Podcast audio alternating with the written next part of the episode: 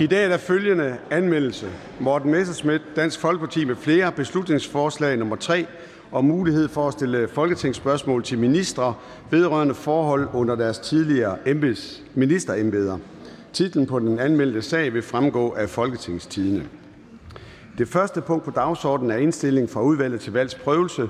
Godkendelse af stedfortræder som nyt ordinært medlem af Folketinget for hr. Christian Klarskov, Moderaterne. Fra udvalget til valgsprøvelse har jeg modtaget indstilling om, at første stedfortræder for Moderaterne i øh, Nordjyllands Storkreds, Mohamed, hr. Mohamed Rona, godkendes som ordinært medlem af Folketinget fra og med den 24. november, da hr. Christian Klarskov nedlagde sit mandat per 23. november 2022. Er der nogen, der ønsker ordet? Da det ikke er tilfældet, går vi til afstemning. Der stemmes om udvalgets indstilling. Afstemningen starter. Afstemningen stopper. Udvalgets indstilling er vedtaget enstemmigt med 110 stemmer. Det sidste punkt på dagsordenen er første behandling af lovforslag L1, forslag til lov om ændring af lov om et midlertidigt børnetilskud til visse forsørgere af hr. Peder Velblund, enhedslisten med flere. Forhandlingen er åbnet, og den første, der får ordet, er beskæftigelsesministeren. Jeg skulle så sige fungerende beskæftigelsesminister. Vigtig detalje. Tak for ordet. Det er øh, usædvanligt at stå her som fungerende minister og skulle behandle et lovforslag, inden en regering er dannet. Så vidt jeg ved, er det ikke sket før. Da der ikke er dannet regering efter folketingsvalget nu, har jeg da også titlen som fungerende beskæftigelsesminister – ligesom at regeringen er et forretningsministerium. Et forretningsministerium tager kun stilling til det allermest nødvendige for driften af landet. Den udvikler ikke ny politik og diskuterer ikke konkrete lovforslag i Folketingssalen. Det betyder også, at regeringen og jeg selv ikke kan gå ind i en diskussion af forslaget.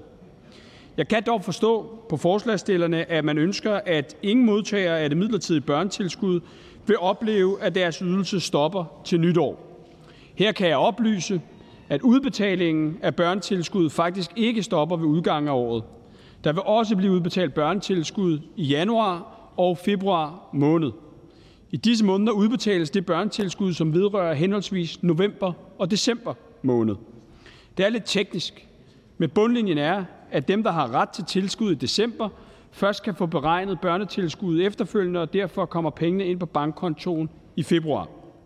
Hvis der er politisk flertal for det, kan man altså vente til efter nytår med at forlænge det midlertidige børnetilskud, uden at nogen vil opleve et ophør i deres tilskud. Derfor er det hverken hensigtsmæssigt eller nødvendigt, at regeringen går ind i en diskussion af det midlertidige børnetilskud netop nu. For Socialdemokratiets holdning vil jeg henvise til ordføreren. Tak for ordet. Ja, og der er allerede flere, der har bedt om kort bemærkning, og fru Victoria Velasquez fra Enhedslisten. Værsgo. Hr. Peter Hummelgaard er jo udmærket klar over, at lovhjemlen forsvinder for januar måned, og vi risikerer, at folk kommer til at stå, det står selv i bemærkningerne til lovforslaget, kommer til at stå uden en indkomst, hvis det er, at man venter til det nye år. Og selv her kan vi jo heller ikke høre fra Socialdemokratiet, og man vil garantere, at man stiller forslaget i det nye år. Lige nu er vi vidne til, at julehjælpen den eksploderer. Og derfor vil jeg gerne spørge, om det er Socialdemokratiets holdning, at de fattigste i vores samfund skal opleve at skulle overleve på almisser, eller om man vil sikre dem et værdigt livsgrundlag. I enhedslisten der mener vi ikke, at vi kom langt nok med den aftale om kontanthjælpen. Det ved, det ved den fungerende minister også godt. Og hr. Peter Hummelgaard er jo også udmærket klar over, at vi gerne havde set, at vi går længere, men at det her er fremskridt. Det her løfter tusindvis af børn op over fattigdom, og det hjælper konkret over 23.000 børn i nogle af de allerfattigste familier. At de fattigste i samfundet de ikke skulle tilbage til Blå Bloks kyniske fattigdomspolitik, det var noget af det, som vi sagde sammen. Men hvad er der sket, siden at ministeren nu siger noget andet? Fungerende beskæftigelsesminister. Jamen, den fungerende beskæftigelsesminister siger ikke noget andet, men konstaterer det faktum, at regeringen er trådt tilbage, og lige nu fungerer som et forretningsministerium. Og derved har vi den respekt, øh, både for Folketinget, men jo det hele taget også for den statsretlige situation, der er etableret, at der ikke vedtages ny lovgivning, som vi i hvert fald medvirker til, og der heller ikke bliver taget aktiv stilling til ny politik, indtil der er dannet en regering. Tak for det.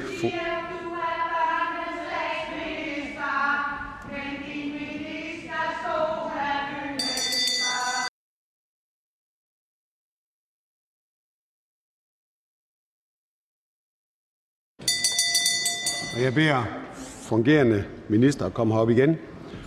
Og øh, fru Victoria Velasquez har bedt om anden kort bemærkning, så værsgo. Det gør sgu lige indtryk i forhold til det der med, med skam.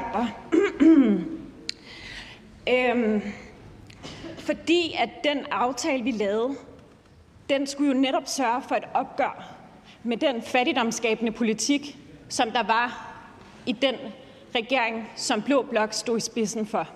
Som vi ved har konkrete konsekvenser for rigtige mennesker. Som betyder, at man ikke er en del af fællesskabet. Og nu her, der ser vi simpelthen ind i, at det ikke bare handler om ikke at være en del af fællesskabet, men nogle helt konkrete ting, som at få mad på bordet. Og det er jo et valg, som hr. Peter Hummelgaard åbenbart gerne vil træffe, at man er klar til at sætte de fattigste børnefamilier til noget, man kan forhandle om og vende dem ryggen, for i stedet for at tække dem til højre i salen. For der er et flertal for, at den aftale den skal fortsætte. Jamen, der, der er nogle præmisser i det spørgsmål og den kommentar, der bliver givet, som ikke er rigtigt. Vi står på mål for de aftaler, som vi har indgået. Men faktum er, at regeringen er trådt tilbage, og regeringen respekterer den situation, at man er trådt tilbage og derved ikke vedtager ny lovgivning eller driver ny politik. Og jeg synes egentlig, at enhedslisten burde respektere det samme. Der er ikke nogen præcedens, så vidt at jeg og vi har kunne finde frem til, hvor der bliver vedtaget lovgivning, mens der forhandles om dannelsen af en regering. Tak for, tak for det. Og hr. Pelle Dragsted for første korte bemærkning. Jeg synes, det er sørgeligt at høre ministeren tale udenom. For sagen er jo, at ministeren og ministerens parti klart og tydeligt tilkendegav, at man selvfølgelig holdt den aftale, der var indgået, gennemført den lov, man selv har fremsat, jamen så havde vi ikke behøvet at stå her i dag. Ministeren giver så udtryk for, at det skulle være umuligt for, for, for ministeriet at implementere den her lov. Sådan udtaler ministeren sig i dag i Jyllandsposten. Antyder oven i købet, at det måske skulle være grundlovsstridigt over for offentligheden. Men samme ministerium modsiger i samme artikel ministeren og skriver, Beskæftigelsesministeriet kan generelt oplyse, at ministeriet skal sikre korrekt og rettidig implementering af lovforslag, som vedtages af Folketinget. Og det burde egentlig ikke overraske nogen af os. Vi er trådt til som Folketing, og der er ikke noget over og ved siden af Folketinget. Hvorfor udtaler ministeren sig i direkte strid med sit eget ministerium. Er det respekt for Folketinget? Fungerende beskæftigelsesminister. Altså, det er jo fuldstændig korrekt, at der er ikke nogen, der står over Folketinget. Og hvis skulle Folketinget beslutte sig for at vedtage, hvad end Folketinget måtte ønske sig at vedtage, så skal de relevante ministerier naturligvis implementere det. Den fungerende regering har det grundlæggende synspunkt, at vi respekterer den situation, der er etableret, hvor det er, at vi udelukkende er et forretningsministerium, og derved ikke tager elementer fra det lovprogram, vi selv fremlagde, inden der var folketingsvalg, og sætter på nu til vedtagelse i en fase, hvor der bliver forhandlet om en ny regering. Det er grundlæggende det principielle synspunkt, vi har. Og man kan sige det om alt muligt. Altså, vi havde jo et langt lovprogram, masser af ting, vi gerne ville gennemføre og vedtage, og der er vi jo nødt til at afvente dannelsen af en ny regering, før man kan komme videre om det, og det synes jeg også, at enhedslisten burde respektere.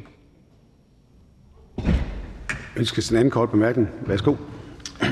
Enhedslisten er ligesom de øvrige ærede medlemmer her netop blevet valgt af vælgerne, og vi har fremsat et lovforslag fuldstændig, som man kan her i Folketinget.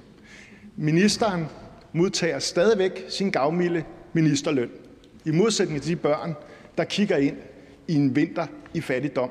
Og ministeren er dermed også underlagt ministeransvarlighedsloven. Og derfor vil jeg bare gerne bede ministeren om, under hensynstagen til, hvad jeg lige har sagt, og tilkendegiver, at ministeren virkelig mener, som ministeren antyder i Jyllandsposten, at en vedtagelse og gennemførsel af den her lov, som skal redde de her fattige børn, vil være i strid med grundloven. Det kunne jeg godt tænke mig et klart svar på, for det er ikke uden betydning at antyde den slags. Fungerende beskæftigelsesminister. Jamen, det synes jeg faktisk lige, jeg har svaret på. Øh, faktum er, skulle et flertal i Folketinget vælge at vedtage det her lovforslag eller alle mulige andre lovforslag, så har de relevante ministerier selvfølgelig en forpligtelse til at gennemføre det. Det ændrer ikke ved den fungerende regerings grundlæggende og principielle holdning, nemlig at vi mener, at det på alle tænkelige måder er i, øh, i overensstemmelse med den præcedens, vi i øvrigt har her i landet, at afvente dannelsen af en ny regering, før det er, at man vedtager ny lovgivning, og at man øh, aktivt tager stilling til ny politik. Tak for det. Den næste, der har bedt om ordet, er fru Karina Adelsbøl fra Danmarksdemokraterne. Tak for det. Ja, det er sådan lidt en interessant debat, og nu er det jo ikke, fordi vi i Danmarksdemokraterne går ind for, at folk på hjemrejseydelse skal have forhøjet børnetilskud.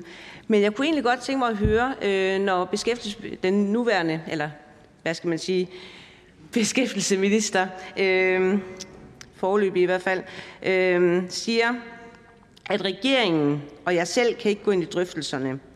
Men hvad er det så, Socialdemokratiet mener?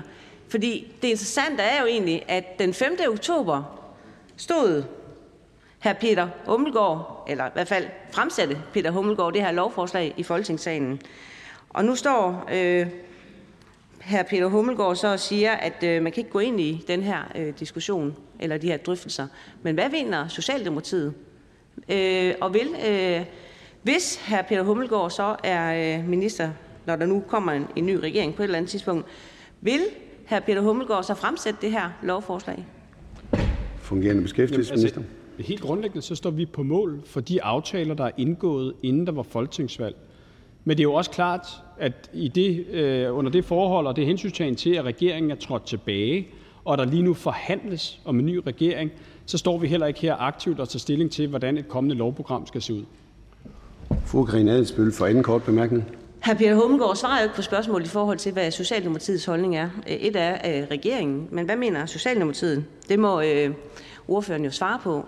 Noget andet er, øh, der er jo indgået rigtig, rigtig mange aftaler, øh, som jo ikke er blevet fremsat i, i Folketingssalen. Jeg tror, at øh, det er omkring de 80, hvis jeg husker korrekt. Er det noget, så fremt Peter Hummelgaard så også er minister og sidder i en regering, vil fremsætte øh, her i Folketingssalen? Eller hvordan ser det ud? Fungerende beskæftigelsesminister. Jamen, igen, der forhandles øh, om dannelsen af en ny regering. Der er ingen af os, der ved, hvordan en sådan regering kommer til at se ud, eller hvilket grundlag den skal arbejde på. Grundlæggende er Socialdemokratiets holdning, nu kommer Socialdemokratiets ordfører jo på lige om lidt, men grundlæggende øh, der er vores holdning jo, at mest muligt af det, der øh, er vores egen politik, og som vi har lavet aftale om, vil vi jo gerne sørge for øh, bliver gennemført. Men jeg tror også, vi alle sammen herinde, alle 179, er nødt til at respektere og sige, altså øh, valghandlinger har konsekvenser. Når der udskrives valg, og Folketinget sammensættes på en ny måde, så har det jo både den lavpraktiske konsekvens, at den lovgivning, man havde planlagt, bortfalder, og derudover at selvfølgelig, at den politik, der så kan føres under dannelsen af en ny regering, det vil jo tage sig forskellige øh, eller anderledes ud. Tak for det. Den næste, der er bedt om ordet, det er hr. Torsten Geil, Alternativet. Tak, formand. Øh, den fungerende beskæftigelsesminister taler om respekt. Altså, vi kan ikke, øh, øh, S kan ikke støtte det her forslag af respekt for situationen. Og så er det bare, jeg tænker på at bruge ordet respekt. Altså, der er så mange børn, der formentlig vil blive ramt af øh, en nedsættelse af deres, deres, deres families indkomst. Er respekt for hvad? Jeg vil gerne have uddybet, hvad er det, vi respekterer? Og hvorfor er det, vi skal respektere det? Situationen, som, som, som Peter hr. her Peter Hummelgaard siger. Hvorfor ikke have respekt for de børn, for Danmarks fattige børn? Fungerende beskæftigelsesminister. Men dem har vi bestemt også en respekt for, og det er jo derfor, vi også har afklaret den tekniske misforståelse, der virkede til at være i begyndelsen af den her diskussion her, nemlig at nogen forsøgte med fremsættelsen af det her lovforslag at tegne et billede af, at per 1. januar ville de nuværende tilskudsberettigede familier ikke længere modtage børnetilskud. Det er ikke rigtigt. Det er først fra 1. marts. Det betyder, at der er al god tid til at afvente dannelsen af en ny regering, og at en ny regering fremsætter et nyt lovforslag, hvis der skulle være opbakning til et sådan, sådan at børnetilskuddet kan fortsætte. Hr. Torsten Geil for anden kort bemærkning. Men vi aner jo ikke, om det, om det forslag bliver fremsat. Vi aner ikke, om der er flertal for det. Lige nu i dag kunne hr. Peter Hummelgaard jo sørge for, at vi fik vedtaget forslaget til forlængelse af børnetilskuddet. Hvorfor ikke bare gøre det? Hvorfor ikke bare give de familier den tryghed gennem julen, at de ved, at de ikke i en tid, hvor priserne stiger, mister deres tilskud? Fungerende beskæftigelsesminister. Men jeg er, som formanden jo rigtigt siger, kun fungerende beskæftigelsesminister, og der er, også bekendt i hvert fald, ikke nogen præcedens for, at der bliver vedtaget lovgivning, inden der er dannet en regering. Tak for det. Den næste, der har bedt om ordet, er fru Trine Pertou Mark fra Enhedslisten. Tak for det, øh, og tak til ministeren for de indledende bemærkninger. Jeg vil gerne spørge, nu vi står i en øh, bullerne inflationskrise, og valgkampen ikke mindst har handlet om, hvordan man holdt hånden under dem, der har det sværest i vores samfund. Møderhjælpen fortæller om, at øh, ansøgningen om julehjælp i år antager nye karakterer. Der er en fattigdom, vi ikke har set i årtier i Danmark. Det er øh, ansøgninger, som ikke bare handler om øh, eller bare i gåseøjne, handler om julehjælp, men handler om, at familier i det hele taget ikke kan få økonomien til at hænge sammen. Det er der tusinder af børn, som betaler regningen for. Det er den virkelighed, vores børnefamilier står i. Hvor er Socialdemokraterne? På hvis side er man i virkeligheden, når man vælger den diskussion og den tilgang til diskussionen, som ministeren anlægger her? På hvis side er man i virkeligheden? På børnefamiliernes side eller på, øh, på magtens side? Jeg vil meget gerne have et meget klart svar fra ministeren. Hvad vil man sige til de børnefamilier, der ikke kan få økonomien til at hænge sammen? Jamen det, det, synes, det synes jeg er en, øh, en, en, både en forkert, men jo i virkeligheden også lidt modbydelig øh, modsætning, der bliver stillet op fra ordførens side. Altså på magtens side, altså vi er jo om muligt, altså vi er jo trådt tilbage. Altså vi har ikke magten i det her land længere. Det er en konsekvens af, at der har været folketingsvalg. Det er en konsekvens af, at et af de daværende partier, der dannede grundlag for den tidligere socialdemokratiske regering, valgte at sige, at man ikke længere ønskede at danne grundlag for den regering. Det er den direkte følge, og det har jo så konsekvenser.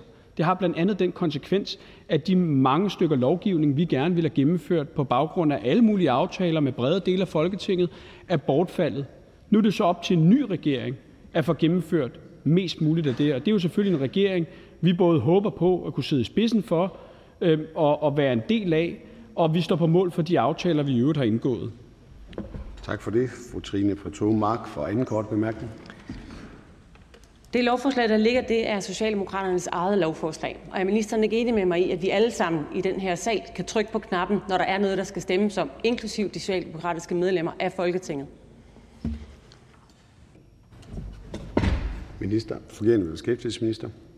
Det er bestemt enig i. Alle øh, 179 medlemmer af Folketinget har det grundlæggende prerogativ, at man selv bestemmer, hvad det er, at man, øh, man stemmer.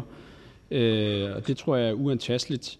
Øh, vi har som forretningsministerium og i Socialdemokratiet truffet det helt principielle synspunkt at sige, at vi kan jo ikke til det ene lovforslag frem for alle mulige andre lovforslag, som også er taget af lovprogrammet, ligge og selektere i, hvad det er, vi så mener, vi skal gennemføre nu. Vi er nødt til ligesom at sige klart og tydeligt, at konsekvensen af den situation, der er etableret, det må være, at vi ikke vedtager en ny lovgivning, før der er dannet en ny regering. Tak for det. Den næste, der bedt om ordet, er fru Francesca Rosenkilde fra Alternativet. Mange tak for det. Øhm Hr. Peter Hummelgaard siger selv, at der har været et valg, regeringen er trådt tilbage. Men stadigvæk er I jo en fungerende regering. Øhm, jeg er ikke lige med på, hvad det korrekte ord er. Forretningsregering, eller hvad det er, I kalder det. Om ikke andet, så har I jo så derfor også et ansvar for, at Danmark fortsætter med at fungere. Øhm, og det her er jo ikke et hvilket som helst forslag. Udover det Socialdemokraternes eget, så vil jeg næppe kalde det for ny politik, fordi det er jo forhandlet. Spørgsmålet er bare, at det skal godkendes her. Og det her, det er et lovforslag, der tager øh, ansvar for de allermest udsatte børn i vores samfund. Så hvordan kan den fungerende minister mene, at det er i uoverensstemmelse med respekten for dannelsen af en ny regering, at man som fungerende regering tager hånd om de allermest udsatte børn i vores samfund i en meget, meget hård tid? Tak. Fungerende beskæftigelsesminister. Jeg, jeg, har, jeg har alt mulig sympati for hensynet bag det her. Det er jo også derfor, at vi selv indgik aftalen tilbage i sommer. Det er også derfor, at vi jo selv gjorde blandt andet inflationskrisen til et bærende tema i den valgkamp, vi lige har været igennem. Det, der var skillelinjen, det er, at der er tale om udmyndning af en politisk aftale. Der er tale om ny lovgivning. Der er ikke tale om det, som der efter vores fortolkning er fornødent til embedsforretningernes uforstyrrede førelse. Og, og det er derfor, vi bare klart må, må, må, må trække den skældning og sige, jamen, men al ny lovgivning, der ikke er det, det kan vi ikke som fungerende regering øh, aktivt bidrage til at vedtage. Tak for det. Ønsker fru Franciska Rosenkilde anden kort mærkning? Nej. Så går vi videre i talerækken. Det næste, der bedt om ordet, er fru Leila Stokmar, Enhedslisten. Tak for det. Uh, det var højt. øhm, jeg kunne godt tænke mig, Hr. Peter Hummelgaard udtalte i søndags den 27. november til politikken, og jeg citerer, Vi står grundlæggende ved de aftaler, som vi har lavet. Og godt tænke mig at spørge, gælder det stadigvæk? Kan man reelt, eller kan man reelt set ikke stole på de aftaler, som man indgår med Socialdemokratiet? Og kan hr. Peter Hummelgaard, hr. Peter Hummelgaard gøre os klogere på, hvad der er sket mellem for to dage siden og så nu, hvor hr. Peter Hummelgaard udtalte til Jyllandsposten, hvor han i dag bliver spurgt, om han som aftalt vil garantere tilskuddet, hvis SA-regering og svare nej, fordi vi ved jo ikke, hvilken regering vi får. Der er ikke nogen garantier. Hvad er det helt konkret, der har ændret sig på de to dage? Handler det i virkeligheden om, at hr. Peter Hummelgaard og resten af det fungerende ministerhold sidder og forhandler om børnetilskuddet med højrefløjen? Fungerende beskæftigelsesminister.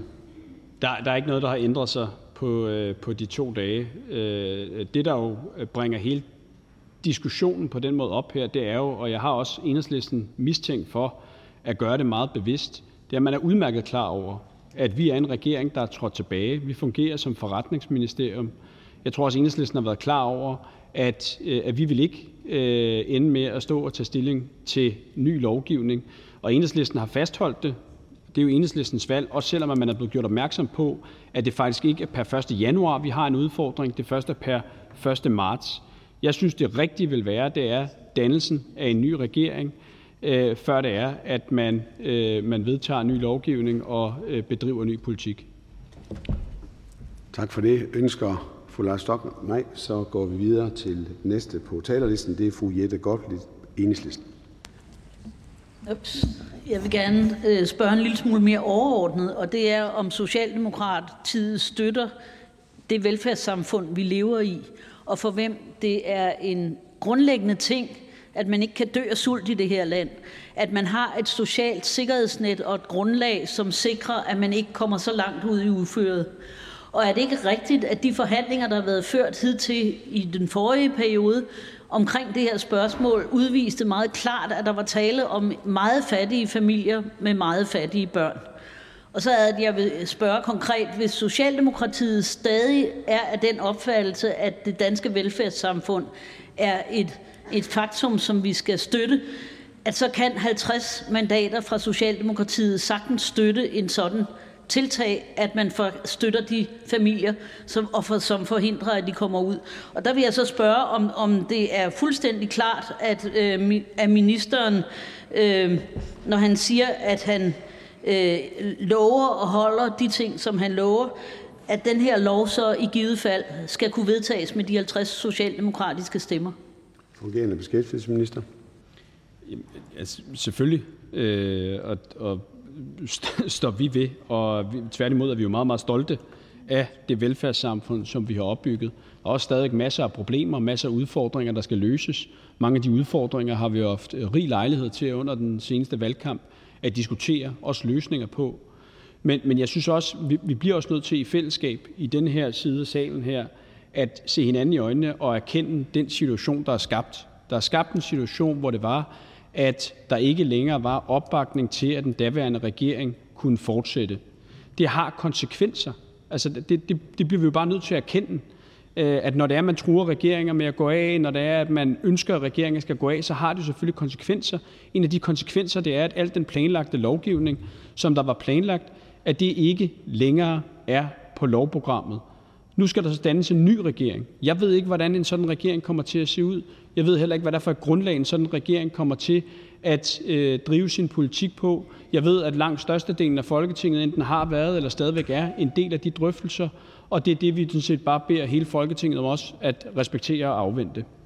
Fru Jette Gottlieb for anden kort bemærkning. Jamen det kan man jo kun forstå på den måde, at det betyder, at Socialdemokratiet bruger de her fattige børns vilkår som en handelsvare i forhandlingerne om en regering. Fordi ellers kunne Socialdemokratiet jo godt udtale, at man stadig er den holdning, at vi skal have et velfærdssamfund med et sikkerhedsnet for de fattigste. Det kunne man jo godt udtale og sige, det vil vi gerne aktivt stemme for.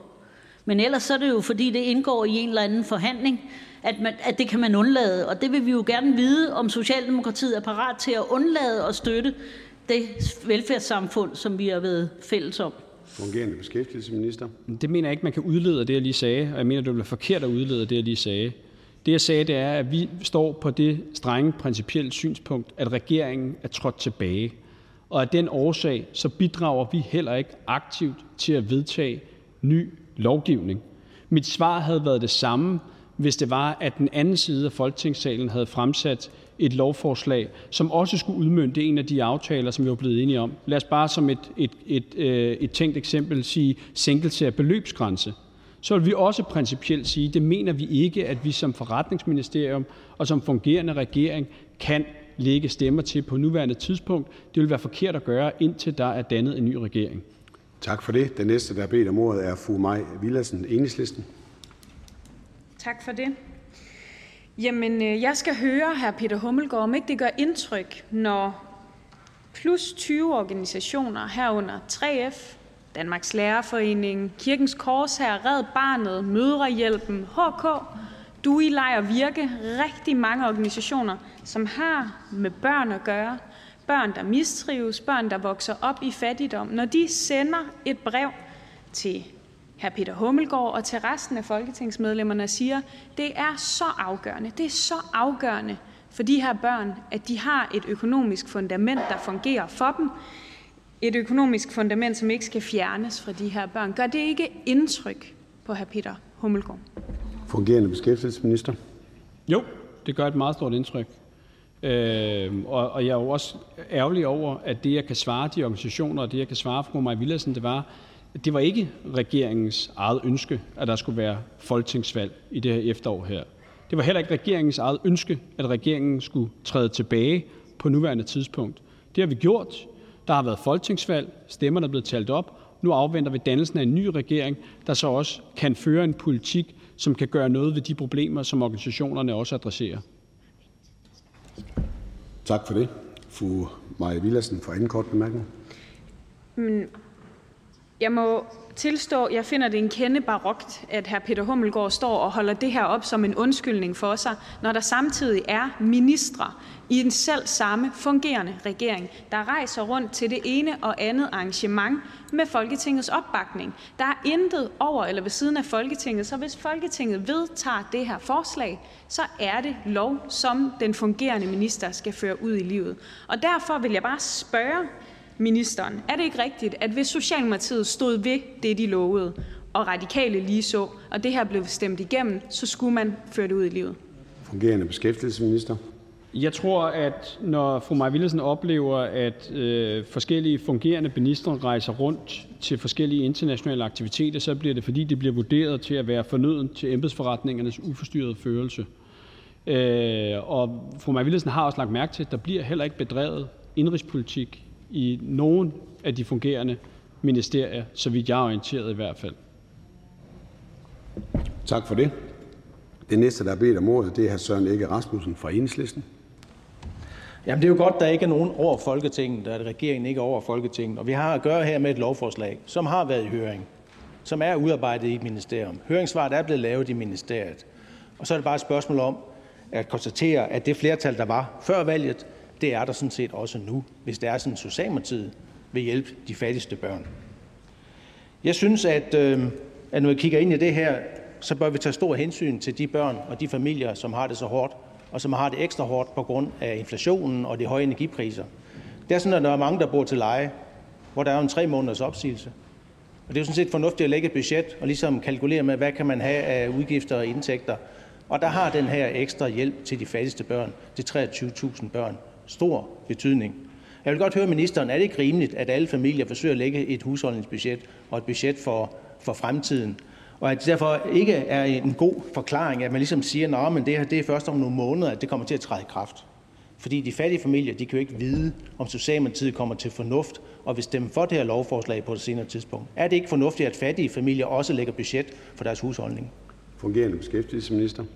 Det er helt bestemt fornuftigt, og når jeg har fremdraget det argument Øh, og den tekniske detalje, som er væsentlig i debatten, om at det først er per 1. marts, at børnetilskuddet reelt udløber, så er det jo fordi, at det blev brugt som argument fra flere af enhedslistens ordfører i forbindelse med fremsættelsen, at det var per 1. januar, at folk ville løbe tør for tilskud.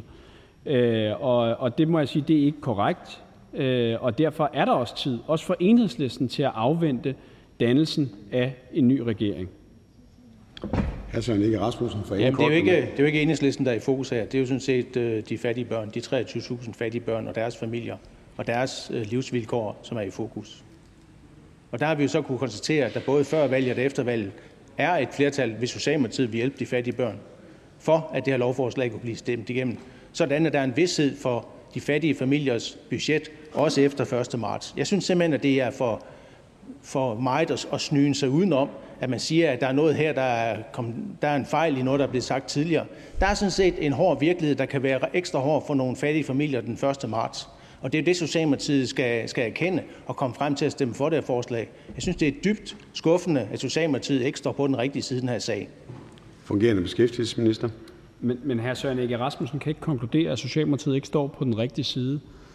Vi forsøger sådan set bare at tage konsekvensen af, at der har været et folketingsvalg, og at vi er trådt tilbage som regering. Lige nu har jeg kun virket som fungerende beskæftigelsesminister. Regeringen er et forretningsministerium.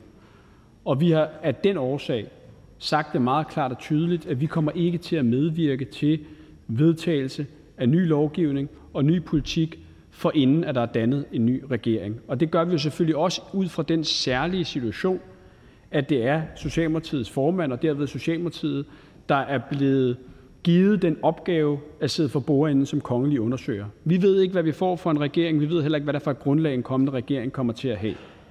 Tak for det, og vi går videre i ordførerrækken, og det næste taler er hr. Peder Velblund, Enhedslisten. Ja, tak for det. Øh, og det var bare godt at høre hr. Peter Hummelgaard øh, erkende, at det her det ikke er i strid med grundloven. Det var godt at få det øh, slået fast. Men ikke desto mindre så er det jo en alvorlig sag, fordi det her det omhandler jo nogle af de fattigste børnefamilier, som står til at miste øh, tusindvis af kroner, hvis ikke vi får det her ændret. Og jeg skal bare høre hr. Peter Hummelgaard, fordi når han fremlægger de teknokratiske argumenter for, hvorfor man ikke kan gennemføre det her, så er det, at, øh, at det ikke vil være muligt. Men der er jo tale om, at det er en aftale, der var flertal for før valget. Det vil også være efter valget. Det er et lovarbejde, der er foregået i ministeriet. Lovforslaget blev fremsat før valget. Det bliver nu fremsat igen. Og hvis det er sådan, man skulle sige, jamen så kan vi ikke, øh, vi kan ikke stemme for det, fordi man er et forretningsministerium, jamen det kan du også, det kan øh, den fungerende minister komme til at sige i januar, i februar måned, fordi hr. Peter Hummelgaard ved jo ikke, hvornår der bliver dannet en regering. Så med det argument, så kan det jo udskydes i al uendelighed. Så jeg skal bare spørge hr. Peter Hummelgaard, om virkeligheden ikke er, at hvis Socialdemokratiet og Radikale Venstre stemmer for forslaget i Folketingssalen, når vi skal tredjebehandle det, ja, så bliver det vedtaget, så bliver det implementeret, og så får de fattige børnefamilier de penge, vi har lovet dem. Fungerende beskæftigelsesminister.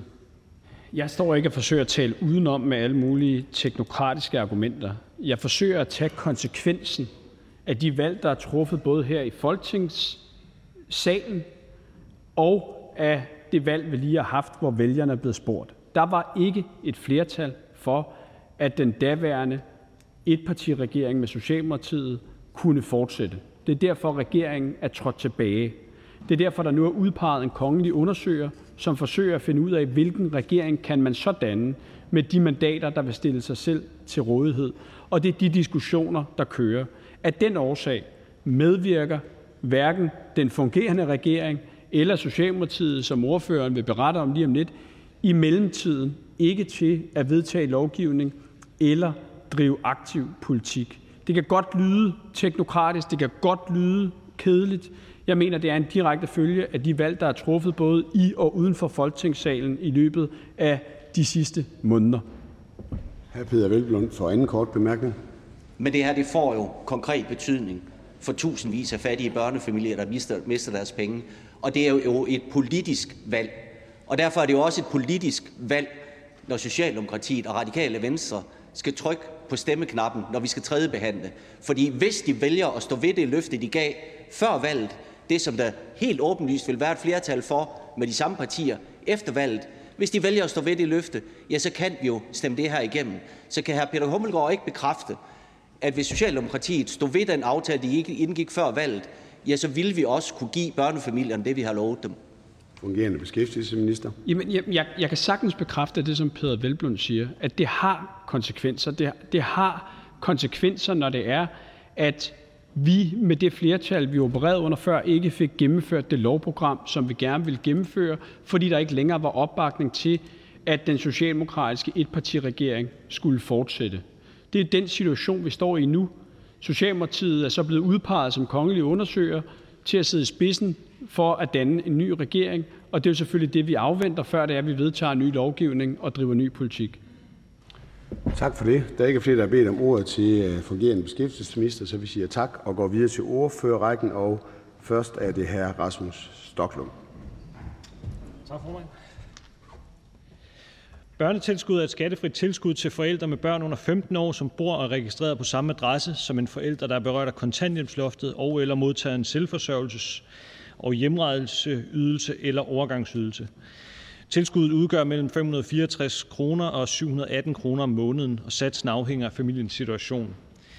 I Socialdemokratiet mener vi, at det var en udmærket aftale, vi i sin tid indgik.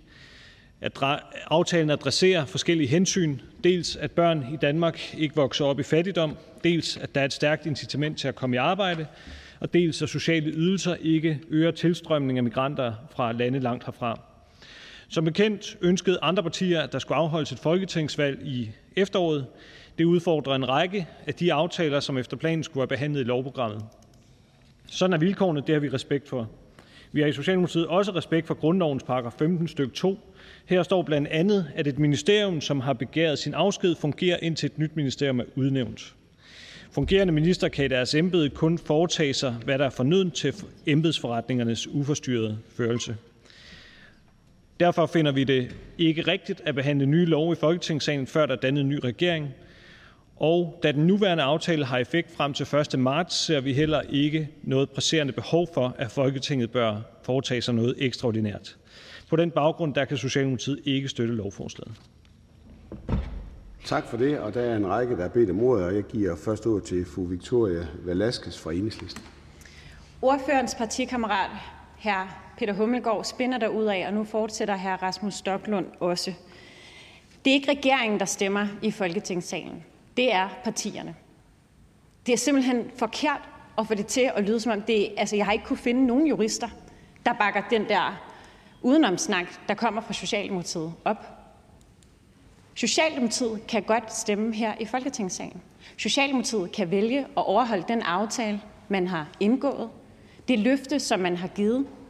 Så i stedet for det her spin og den her udenomsnak, så vil jeg gerne spørge Socialdemokratiet helt ærligt, om ikke man vil svare de fattigste børnefamilier, om man har tænkt sig at falde dem i ryggen, fratage de penge, som de ellers skulle have midt i en bulrende inflationskrise, i stedet for at gemme sig om, hvordan forholdene er i forhold til at være regering. For det er ikke regeringen, der stemmer her i Folketingssalen.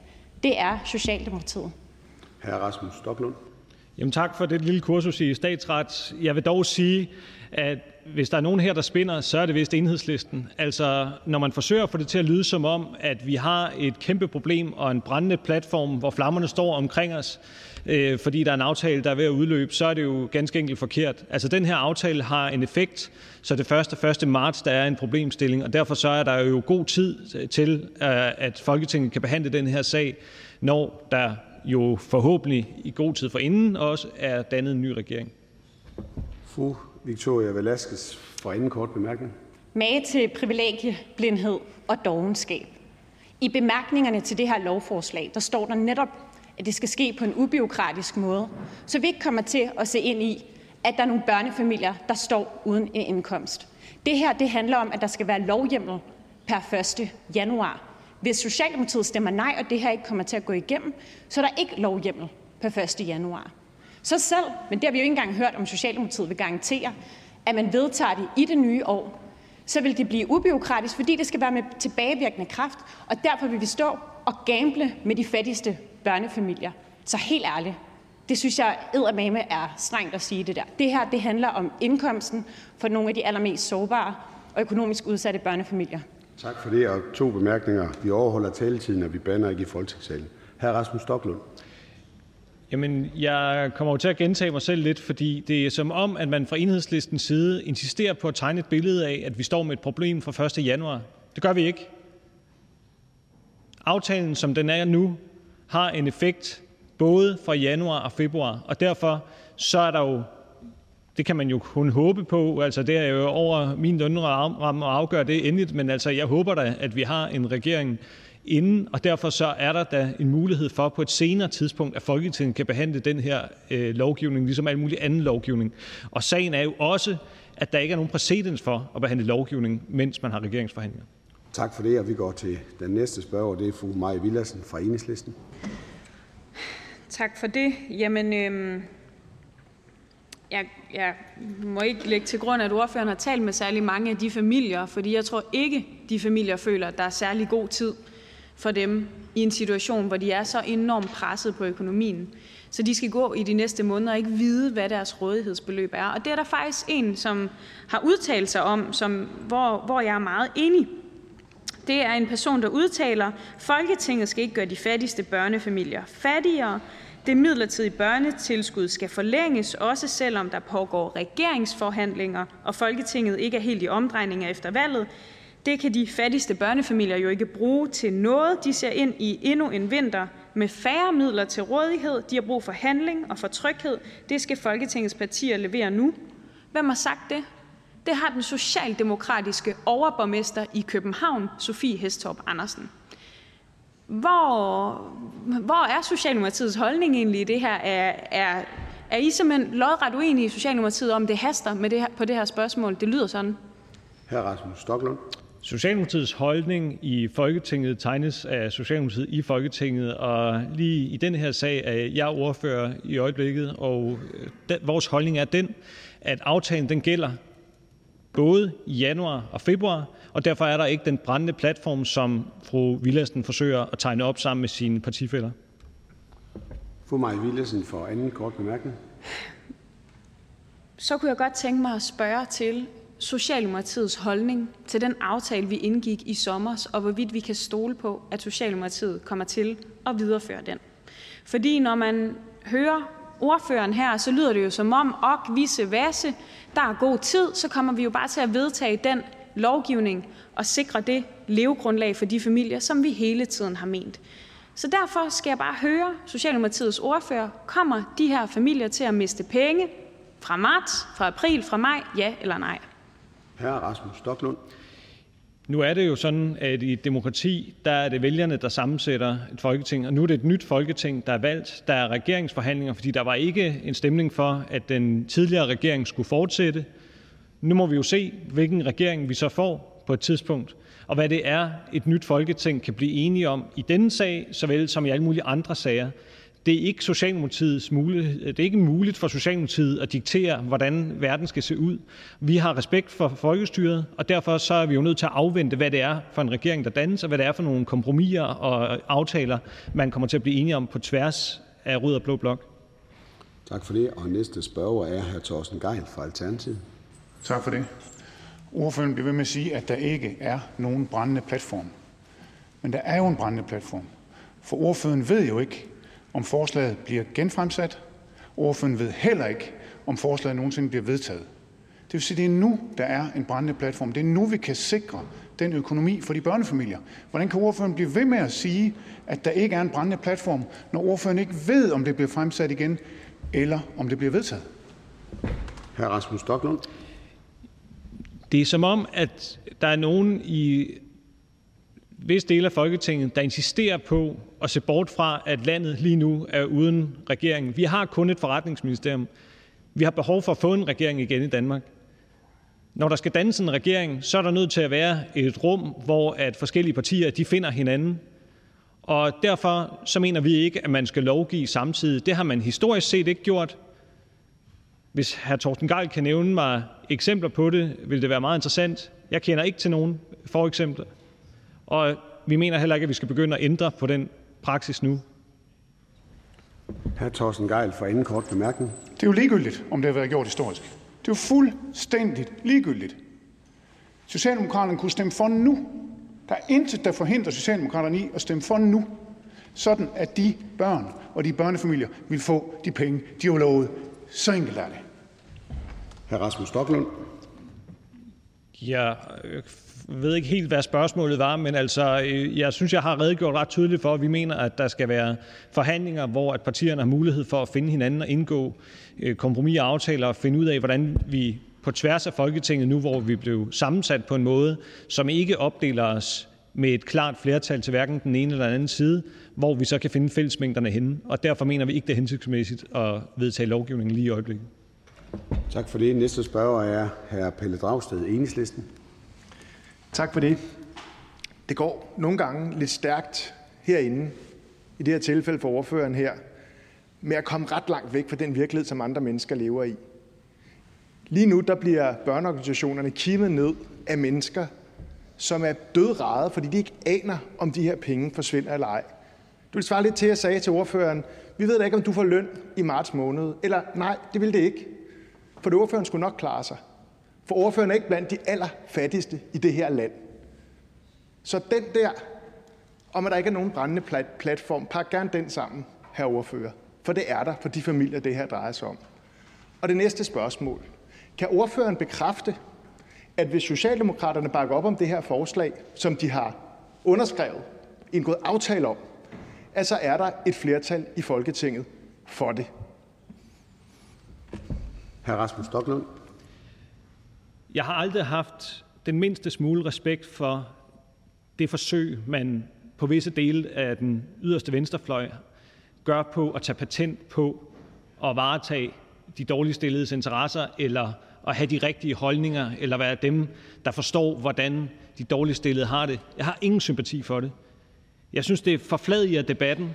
Der er ikke nogen i den her folketingssal, der ikke har sympati for, hvis der eksempelvis er børn, der er dårligt stillet eller andet. Så jeg pakker ikke noget som helst sammen. Lad mig starte med at sige det. Og derudover, nu har jeg 26 sekunder tilbage, kan jeg se, så vil jeg sige, og det bliver jo en gentagelse, eftersom at enhedslisten har aftalt at stille de samme spørgsmål igen og igen, men at fra Socialdemokratiets side mener vi, det rigtige er ikke at vedtage lovgivning samtidig med, at der er regeringsforhandlinger. Hr. Pelle Dragsted for anden kort bemærkning. Hvad skal de fattige familier bruge ordførens sympati for, hvis ordføreren og hans partikollegaer, når vi skal stemme om det her forslag, stemmer på, den, på nej-knappen og dermed forhindrer, eller forhindrer at skabe tryghed for de her familier? Hvad skal den sympati bruge? For politik handler jo ikke om, hvad vi står og siger, eller hvad vi har sympati for. Det handler om, hvad vi gør.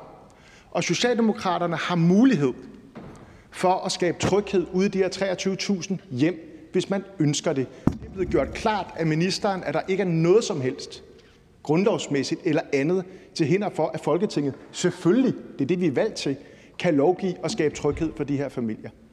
Hr. Rasmus Stoklund. Forskellen på mit parti og på hr. Dragsteds parti er, at vi ikke er et parti for snuptagsløsninger. Og øh, derfor så mener jeg sådan set, at det er en interessant debat, hr. Dragsted her lægger op til, altså om, hvad det er, dårligt stillet i Danmark skal bruge Socialdemokratiet til i forhold til enhedslisten, men den øh, kan man ikke tage på 10 sekunder. Men det drejer sig jo blandt andet om konkurrenceevne og om eksport og alt muligt andet, som sikrer Danmark velstand, og som gør, at Danmark er et godt land at leve i for både høj og lav. Men øh, det er jo en helt anden debat end den, vi er inviteret til i dag. Tak for det. Den næste, øh, der har bedt om ordet, er fru Jette Gottlieb fra Enhedslisten. Ja, jeg kan jo forstå, at vi ikke har fået en ny regering. Det er jeg godt klar over, men vi har åbenbart fået et nyt socialdemokrati. Og det nye socialdemokrati er ikke villig til at stå på mål for de ting, som de tidligere har fremlagt. Og derfor spørger jeg Socialdemokratiet, ikke nogen fungerende regering eller noget som helst. Derfor spørger jeg, om Socialdemokratiet, der er valgt til det her Folketing i den her folketingssamling, står bag det velfærdssamfund, som vi har bygget op, og som lægger enorm vægt på, at der er et socialt sikkerhedsnet for de fattigste. Hr. Rasmus Stoklund. Jamen, fru Gottlieb er sikkert bekendt med, at vi i sidste valgperiode havde en socialdemokratisk etpartiregering, og derfor mener jeg, at det bliver lidt teoretisk at prøve at adskille Socialdemokratiet meget kraftigt fra regeringen. Og eftersom at den daværende regering nu er en, et, blevet til et forretningsministerium, og vi derfor ikke har en fungerende, andet end en fungerende regering, som øh, gør det allermest nødvendige af respekt for grundloven og respekt for de regeringsforhandlinger, der er, så vil der selvfølgelig være en meget stor overensstemmelse mellem regering og parti. Fru Jette Gottlieb for en anden kort men jeg forstår så, at man er klar til at bruge lige præcis de fattigste familier som handelsvarer i regeringsforhandlingerne. Og det er det, der bekymrer mig, fordi det betyder jo, hvis man siger, at det kan man overhovedet ikke forholde sig til som socialdemokrati, så må det jo være, fordi man er klar til at give det op. Og der kommer så spørgsmålet, det er åbenbart ikke akut, for vi at vide, men det er det jo, for hvis der ikke er lovhjemmel i januar, så kommer der ikke nogen udbetaling i marts. Så derfor er det akut. Hr. Rasmus Stoklund. Jamen, der har vi den jo igen. Det der med, at det er enhedslisten, der repræsenterer det evigt gode her i Folketinget. Jeg kommer aldrig til at anerkende den præmis. Men øh, for at give et konkret eksempel på et sted, hvor vi jo trods alt i fællesskab og også sammen med en række blå partier har gjort noget godt for nogle af de familier, vi her taler om, der øh, tredoblede vi jo julehjælpen for et par måneder siden øh, eksempelvis. Altså det må jo være noget, som fru Gottlieb kan glæde sig over. Tak for det. Den næste, der er bedt om ordet, er fru Helene Liljendal Brydensholt fra Alternativet. Ja, tak for det. Øhm, ordføreren siger i sin øhm, ordførertale, at der ikke er behov for at gøre noget ekstraordinært lige nu, øhm, og dermed behandle det her lovforslag, øhm, inden der er dannet regering. Men øhm, hvordan forholder ordføreren sig så til, at øhm, tusindvis af børnefamilier lige nu lever i uvidshed omkring, om deres økonomi hænger sammen her efter den 1. marts? Hr. Rasmus Stoklund. Som jeg har redegjort for, så gælder den her aftale jo nogle måneder endnu. Det vil sige, at det er netop fra 1. marts. Forhåbentlig har vi en regering i god tid inden da. Så kan Folketinget sammen med regeringen, som har mulighed for at forhandle og lave aftaler, svare på spørgsmål osv., jo overveje, hvordan vi skal strikke en eventuel aftale sammen i fremtiden. Men jeg kan jo ikke stå her og spå om, hvordan verden den ser ud flere måneder ude i fremtiden. Fru Helene Lillendal Brydensholt for anden kort bemærkning. Kan ordføreren så berolige de tusindvis af børnefamilier med, at, øh, at Socialdemokratiet kommer til at stemme for et lovforslag inden den 1. marts, så, øh, så, så de får den her økonomiske sikkerhed i deres liv? For som jeg ser det nu, så kom, er der jo et flertal i Folketinget for at stemme for det her lovforslag, hvis altså Socialdemokratiet også stemmer for. Hr. Rasmus Stoklund. Der blev i efteråret udskrevet et valg til Folketinget. Så blev der afholdt et valg, og nu er der kommet et nyt Folketing. Det har altid været sådan, at lovarbejdet det sættes i bero, mens der så dannes en ny regering, og mange af de ting, der var i lovkataloget, de vil så helt naturligt bortfalde, og så skal det nye Folketing tage stilling til, hvad man ønsker, der skal ske sammen med den nye regering. Og sådan er det også nu.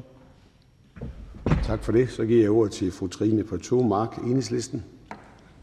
Tak for det. Jeg vil gerne ordføreren bekræfte, at Enhedslisten ikke har behov for at føle sig som de evigt gode. Vi appellerer blot stærkt til, at Socialdemokraterne står ved det, man tidligere har stået for før valget på den her sag. Vi har ikke lyst til at stå alene, vi vil gerne have jer med, og det er derfor, vi er så interesserede i at høre hr. Rasmus Stoklunds holdninger til det, eftersom hr. Rasmus Stoklund jo ikke er en del af den fungerende regering, men sidder i Folketinget som alle os andre i den her sal, og derfor har muligheden for at trykke på knappen, når der skal stemmes om det her. Det er i virkeligheden det, det handler om. Øh, den sympati, som ordføreren giver udtryk for, kan man ikke betale sin elregning med, kan man ikke købe mad for, kan man ikke holde en ordentlig jul for sine børn for. Det kan man kun for de penge, som man lige nu overhovedet ikke har, og hvor det her forslag jo kan sikre folk, at de ved, at der også ind i det nye år er en lille smule ekstra på bankkontoen til at holde alle de her udgifter for døren. Det er det, det handler om. Vil hr. Rasmus Stoklund ikke fortælle, om han som SF, undskyld, som medlem af Folketinget i virkeligheden synes, at man kan stå og handle på den her måde, når man er i gang med regeringsforhandlinger? Skal man ikke som Folketing tage ansvaret for den befolkning, man er valgt på vegne af? Hr. Rasmus Stoklund. Jamen, eftersom enhedslisten bliver ved med at stille de samme spørgsmål, så bliver jeg jo også nødt til at svare nogenlunde det samme, ellers ville det være underligt. Og øh, jeg er nødt til at sige, at øh, vi mener ikke, at man skal lave lovgivning samtidig med, at man har regeringsforhandlinger. Nu er det den her sag, enhedslisten har taget frem. Man kunne have taget alle mulige andre ting frem fra lovprogrammet. Det øh, er der så ikke andre, der har gjort, fordi andre partier respekterer den øh, kutume, der har været i Folketinget igennem årtier, hvor at skiftende parlamenter ikke laver lovgivning, mens der pågår regeringsforhandlinger. Og, og det er så det, vi appellerer til, at man holder fast i, og øh, ikke mindst fordi der jo nu ikke er en brændende platform, eftersom at den her aftale øh, jo først øh, vil få en effekt fra 1. marts. Fru Trine på to mark for anden korte bemærkning. Vi har fuld respekt for, at der er forhandlinger i gang, men vi taler om mennesker, om borgere, medborgere af kød og blod, som står i en ekstrem usikkerhed. Og det er vores ansvar at give et bud på, til de familier på, hvordan de kan mindske den usikkerhed. Det er det, det her det handler om. Det handler ikke om teknikaliteter og forhandlinger. Det handler om et lovforslag, som har været igennem hele møllen, og hvor vi genfremsætter det, fordi vi ønsker, at vi giver de her familier en sikkerhed, og de her mange tusind børnefamilier en, øh, en garanti for, at de også har penge på kontoen. Vil ordføreren ikke prøve at se på den virkelighed frem for teknikaliteterne? Hr. Rasmus Stoklund. Det handler jo også om, at Enhedslisten forsøger at tegne et billede af, at det her det er strengt nødvendigt, at det sker lige nu og her, fordi ellers er der et problem 1. januar. Og der er faktum bare, at det er 1. marts, der vil være et problem. Det er ikke 1. januar. Tak for det. Det næste, der beder om ordet, det er hr. Søren Ege Rasmussen fra Enhedslisten. Ja, jeg mener, at der er mange familier, der har et problem den 1. december, som er lige om lidt. Og det er jo fordi, at mange bor til leje og har tre måneders opsigelse. Og der har det selvfølgelig en betydning, hvad det er, de kigger ind i, at de har indtægter den 1. marts. Så derfor har det her betydning på den korte bane. Altså jeg synes ærligt talt, at den brændende platform, den er i børneværelset for 23.000 børn, som tilhører de fattigste. Jeg har noteret mig under valgkampen, at der var en, øh, en statsminister, som gerne ville være børnenes øh, statsminister. Og øh, det synes jeg er med rette, man godt kunne sige, hvis det var sådan, at vi var kommet i mål og vedtog det her lovforslag, at så havde den, skal vi kalde det, fungerende statsminister sådan set noget, man kunne skrive på, som gjorde, at man var, var noget, som godt kunne indikere, at man kunne være børnenes statsminister. Kan ordføreren ikke se, at det faktisk har en betydning her 1. december, hvad det er for en økonomi, at det, man har, hvis man bor til leje, og har en uvidshed om, hvad det er, at man har indtægter den 1. marts? Hr. Rasmus Stoklund. Nej, fordi præmissen bliver jo så, at de familier, der er på de her ydelser og modtager de her tilskud, at de skulle have sådan, et, øh, have sådan en, en statisk tilværelse, hvor de forventer også øh, på automatik at have behov for de ydelser 1. marts. Forhåbentlig er mange af dem, der er kommet i arbejde til den tid. Altså der er der en udvikling i de her grupper. Det er da ikke meningen, at man skal placeres på den her ydelse, og så være der til evig tid. Tak for det. Hr. Søren Ege Rasmussen for en anden kort bemærkning. Ja, hvis man er førtidspensionist eller en lidepensionist øh, og egentlig forsørger, så er der måske ikke så gode udsigter til at komme i beskæftigelse, som øh, Socialdemokratiets ordfører gør opmærksom på. Jeg synes, at, øh, at Socialdemokratiet skylder at, at lytte til, øh, hvad der foregår ude i samfundet. Og vi har blandt andet modtaget, og det, det er jo så et brev, der er sendt til alle folketingsmedlemmer, og jeg går fra, at det er hele det nyvalgte folketing. Og der er 23 organisationer, der står bag hvor de sådan set appellerer til: »Situationen er dybt bekymrende og fordrer mere end akutte hjælpepakker. Der er også brug for vedvarende og strukturelle indsatser, hvis vi skal sikre børnene et liv uden fattigdom. Så derfor håber vi inderligt, at I som minimum vil holde fast i kontanthjælpsaftalen. Samtidig vil vi opfordre jer til at sætte konkrete og langsigtede mål samt en helhedsorienteret plan for, hvordan vi afskaffer børnefattigdom. Er det et brev, som er blevet drøftet i Socialdemokratiet, og er det noget, der gør indtryk i det parti? Ordfører. Det står ikke helt klart for mig, hvorfor hr. Ege Rasmussen begynder at tale om førtidspensionister. Altså, der er tale om folk, som er berørt af kontanthjælpsloftet og eller modtager selvforsørgelses- og hjemrejseydelse eller overgangsydelse. Tak for det. Næste spørger er Peter Velblom. Tak for det, og velkommen til formanden i stolen. Øhm, jeg forstår forstå på på hr. Rasmus Stoklund, at uh, hr. Rasmus Stoklund også ligesom anerkender, at der var et flertal før folketingsvalget. Det flertal af de samme partier består også efter folketingsvalget, men at der nu er tale om en form for nyt socialdemokrati, som ikke øh, står ved den aftale. Men nu har hr. Rasmus Stoklund tilkendegivet, at han er træt af at få de samme spørgsmål, så jeg vil godt udfordre hans logik lidt i forhold til det svar, hr. Rasmus Stoklund så igen og igen giver, nemlig at der foregår regeringsforhandlinger. Og nu sagde hr. Rasmus Stoklund tidligere, at han ikke var i en lønramme, der kunne retfærdiggøre, at han kunne sige, hvornår de er afsluttet. Så hr. Rasmus Stoklund kan vel heller ikke øh, have nogen garanti for, hvornår de regeringsforhandlinger er afsluttet.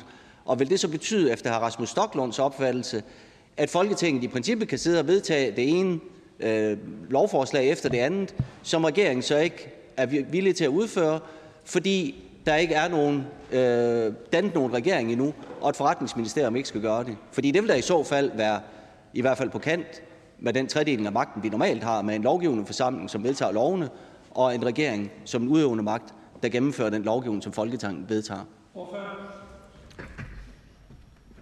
Jeg har øh, forskellige principper, som jeg har tillagt mig efter, at jeg blev politiker øh, med succes. Et af dem er ikke at udstede garantier, og et andet er sådan noget med ikke at lave alt for meget hovedregning øh, i interviews og den slags. Men jeg vil sige, det er klart, når der er regeringsforhandlinger, så er man jo nødt til at afvente, hvordan de lander. Og der er ikke nogen af os, der kan sige, hvornår de er tændbragt.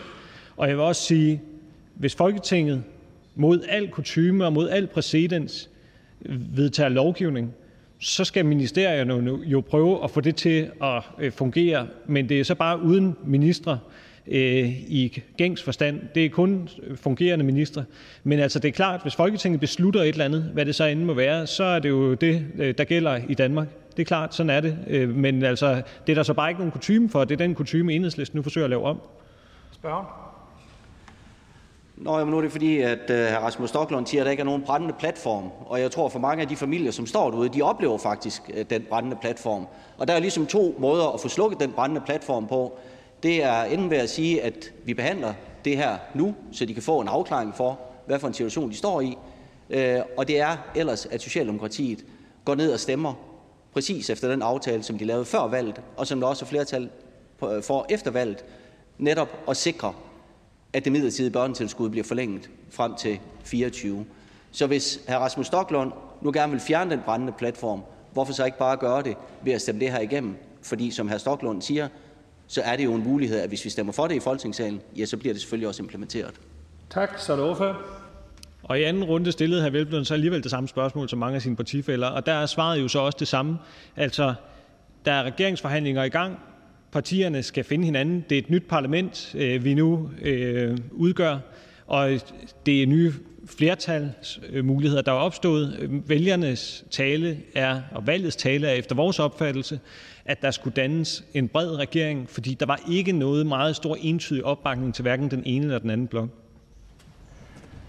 Næste spørger er Sascha Faxe, Alternativet. Værsgo. Tak for ordet.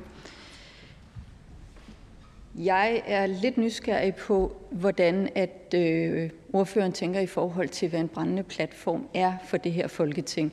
Der bliver talt om, at øh, det altid er blevet gjort på den måde. Der er blevet talt om at undgå snuptagsløsninger. Både altid og snuptagsløsninger tror jeg, at det her folketing lærte lidt om i sidste samling, så derfor måske, at tiden var inde til, at vi forholder os til det, der ligger foran os. Så hvad skal der til for noget af en brændende platform? Er det, at en krig udvider sig til Danmark?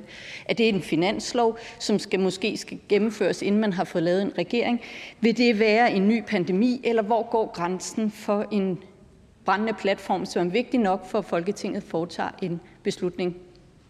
Hvorfor? Jeg har ikke noget behov for at indgå i sådan hypotetiske tankeeksperimenter, men det er klart, vi mener ikke, at noget er en brændende platform, som øh, udmærket kan klares på et senere tidspunkt. Spørgen? Jeg synes, at nogle af vores kolleger her i Folketingssalen jo egentlig ret tydeligt har gjort det tydeligt, at det er en brændende platform for de mennesker, for hvem det drejer sig om, og at vi ikke herinde, i hvert fald med mindre nogen har nogle evner, jeg ikke kender, kan forudse, hvornår vi har en regering. Så hvad skal der til for, at man i et parti, der bryster sig af solidaritet som en af de tre grundpiller, anerkender, at der rent faktisk er en problemstilling for en lang række familier derude, for hvem det faktisk handler om mad på bordet? Ordføren? Jamen, nu går spørgsmålet jo igen lidt i ring af dem, som øh, de spørgsmål, som både Enhedslisten og Alternativet har stillet flere gange. Og det er klart, altså eftersom at den her aftale øh, gælder for både januar og februar, så mener vi ikke, at der er en brændende platform. Altså det er fra 1. marts, der vil være en problemstilling. Næste spørger er Christine Olumeko fra Alternativet. Tak for ordet. Som Alternativets demokratiordfører, så lytter jeg interesseret til debatten. Øhm, og som jeg forstår debatten, så opstår stillestand i dansk politik, fordi vi godt og grundigt har blandet den lovgivende og udøvende magt sammen i Danmark i sådan en stor pærevælling. Og det er jo meget utraditionelt for de fleste andre demokratier. Øhm, og i det her konkrete tilfælde, så forstår jeg på, på ordføreren, at Socialdemokratiet ikke vil vedtage, vedtage lov samtidig med, at det selv samme parti, den udøvende magt, forhandler med andre partier i regeringsforhandlinger. Så jeg vil gerne spørge ordføreren for Socialdemokratiet, om, det, om Socialdemokratiet mener, at det er problematisk at sammenblande den lovgivende og udøvende magt, og om Socialdemokratiet er interesseret i at debattere at lave en reel adskillelse af den lovgivende og udøvende magt i Danmark. Ordføreren? Jamen, det er jo en spændende statsretslig diskussion, som ordføreren der rejser, og den kan man garanteret finde nogle fora, øh, hvor man kan drøfte den i. Men altså, øh, i forløbet så har det danske folkestyre jo fungeret godt i øh, efterhånden mange årtier, og det er jeg sikker på, at det vil blive ved med også i fremtiden. Ønsker spørgeren anden bemærkning? Nej, så er næste spørger, øh, det er Leila Stockmann, Enhedslisten. Værsgo. Ja, tak. Jeg kunne godt tænke mig at spørge, Socialdemokratiet er gået til valg på, øh, at vi skal sammen og solidarisk gennem den her krise. En inflationskrise, der er historisk, og som buller af, og lige nu topper. Den her krise den tager ikke hensyn til, om der er regeringsforhandlinger eller ej. Og mere end 900.000 danskere har stemt på Socialdemokratiet i den opfattelse af, at de vil sikre, at vi skulle holde hånden under de svageste under den her krise. Derfor kunne jeg godt tænke mig at spørge ordføreren, hvad agter Socialdemokratiet så at gøre i denne her periode, mens man forhandler, for at sikre, at ikke flere fattige familier falder igennem vores sikkerhedsnet? Ordføreren? Jeg er ikke sikker på, at øh, at øh, enhedslisten øh, sådan har et fuldstændigt billede af, hvad der er årsagen til, at der er danskere, der har valgt at stemme på Socialdemokratiet, men jeg er selvfølgelig glad for, at der er mange, der har valgt at gøre det. Det ændrer jo ikke på, at vi jo er meget optaget af, at folk de skal hjælpes, når der er behov for det. Og det drejer sig ikke kun om den aktuelle sag, vi diskuterer her. Det kan også være i andre sammenhænge. Men det er jo også sådan, at landet har brug for at få en regering. Og i de uger, hvor regeringsforhandlingerne pågår, der mener vi ikke, at det er formålstjenestligt så samtidig at vedtage lovgivning her i Folketingssalen. Og derfor så øh, mener vi ikke, at den her øh, behandling bør finde sted nu, og det har der jo så heller ikke været nogen tradition for. Jeg kan ikke komme på nogen fortilfælde, hvor at øh, Folketinget har lovgivet samtidig med, at der er pågået regeringsforhandlinger. Ønsker spørgeren bemærkning mere? Fint, så skal vi lige huske at trykke sig ind, så kan jeg nemlig også se det her. Værsgo. Okay, så bare for at være helt sikker. Skulle de her regeringsforhandlinger trække voldsomt ud, og skulle krisen accelerere mere, end den allerede gør, så har Socialdemokratiet ikke til hensigt overhovedet at foretage sig noget for at sikre sig, at der ikke er flere, der må få hus og hjem, øh, end tilfældet er allerede. Hvorfor? Jamen, nu bliver det jo meget hypotetisk. Der er jo ikke nogen, der ønsker sig, at de her regeringsforhandlinger de skal vare øh, frem til sommerferien. Altså, vi har jo alle sammen et håb om, at der kommer en ny regering. Og så er det klart, når der så er en ny regering, så skal Folketinget jo sammen med den nye regering, når der er muligheder for øh, forhandlinger, som man kender det, i ministerierne, hvor man kan trække på embedsværket, hvor man har mulighed for samråd osv., osv., så skal man jo finde ud af, hvad det er for nogle aftaler, man vil indgå. Så siger jeg tak til ordføreren fra Socialdemokratiet. Den næste ordfører i rækken er hr. Morten Dalin fra Venstre. Velkommen til.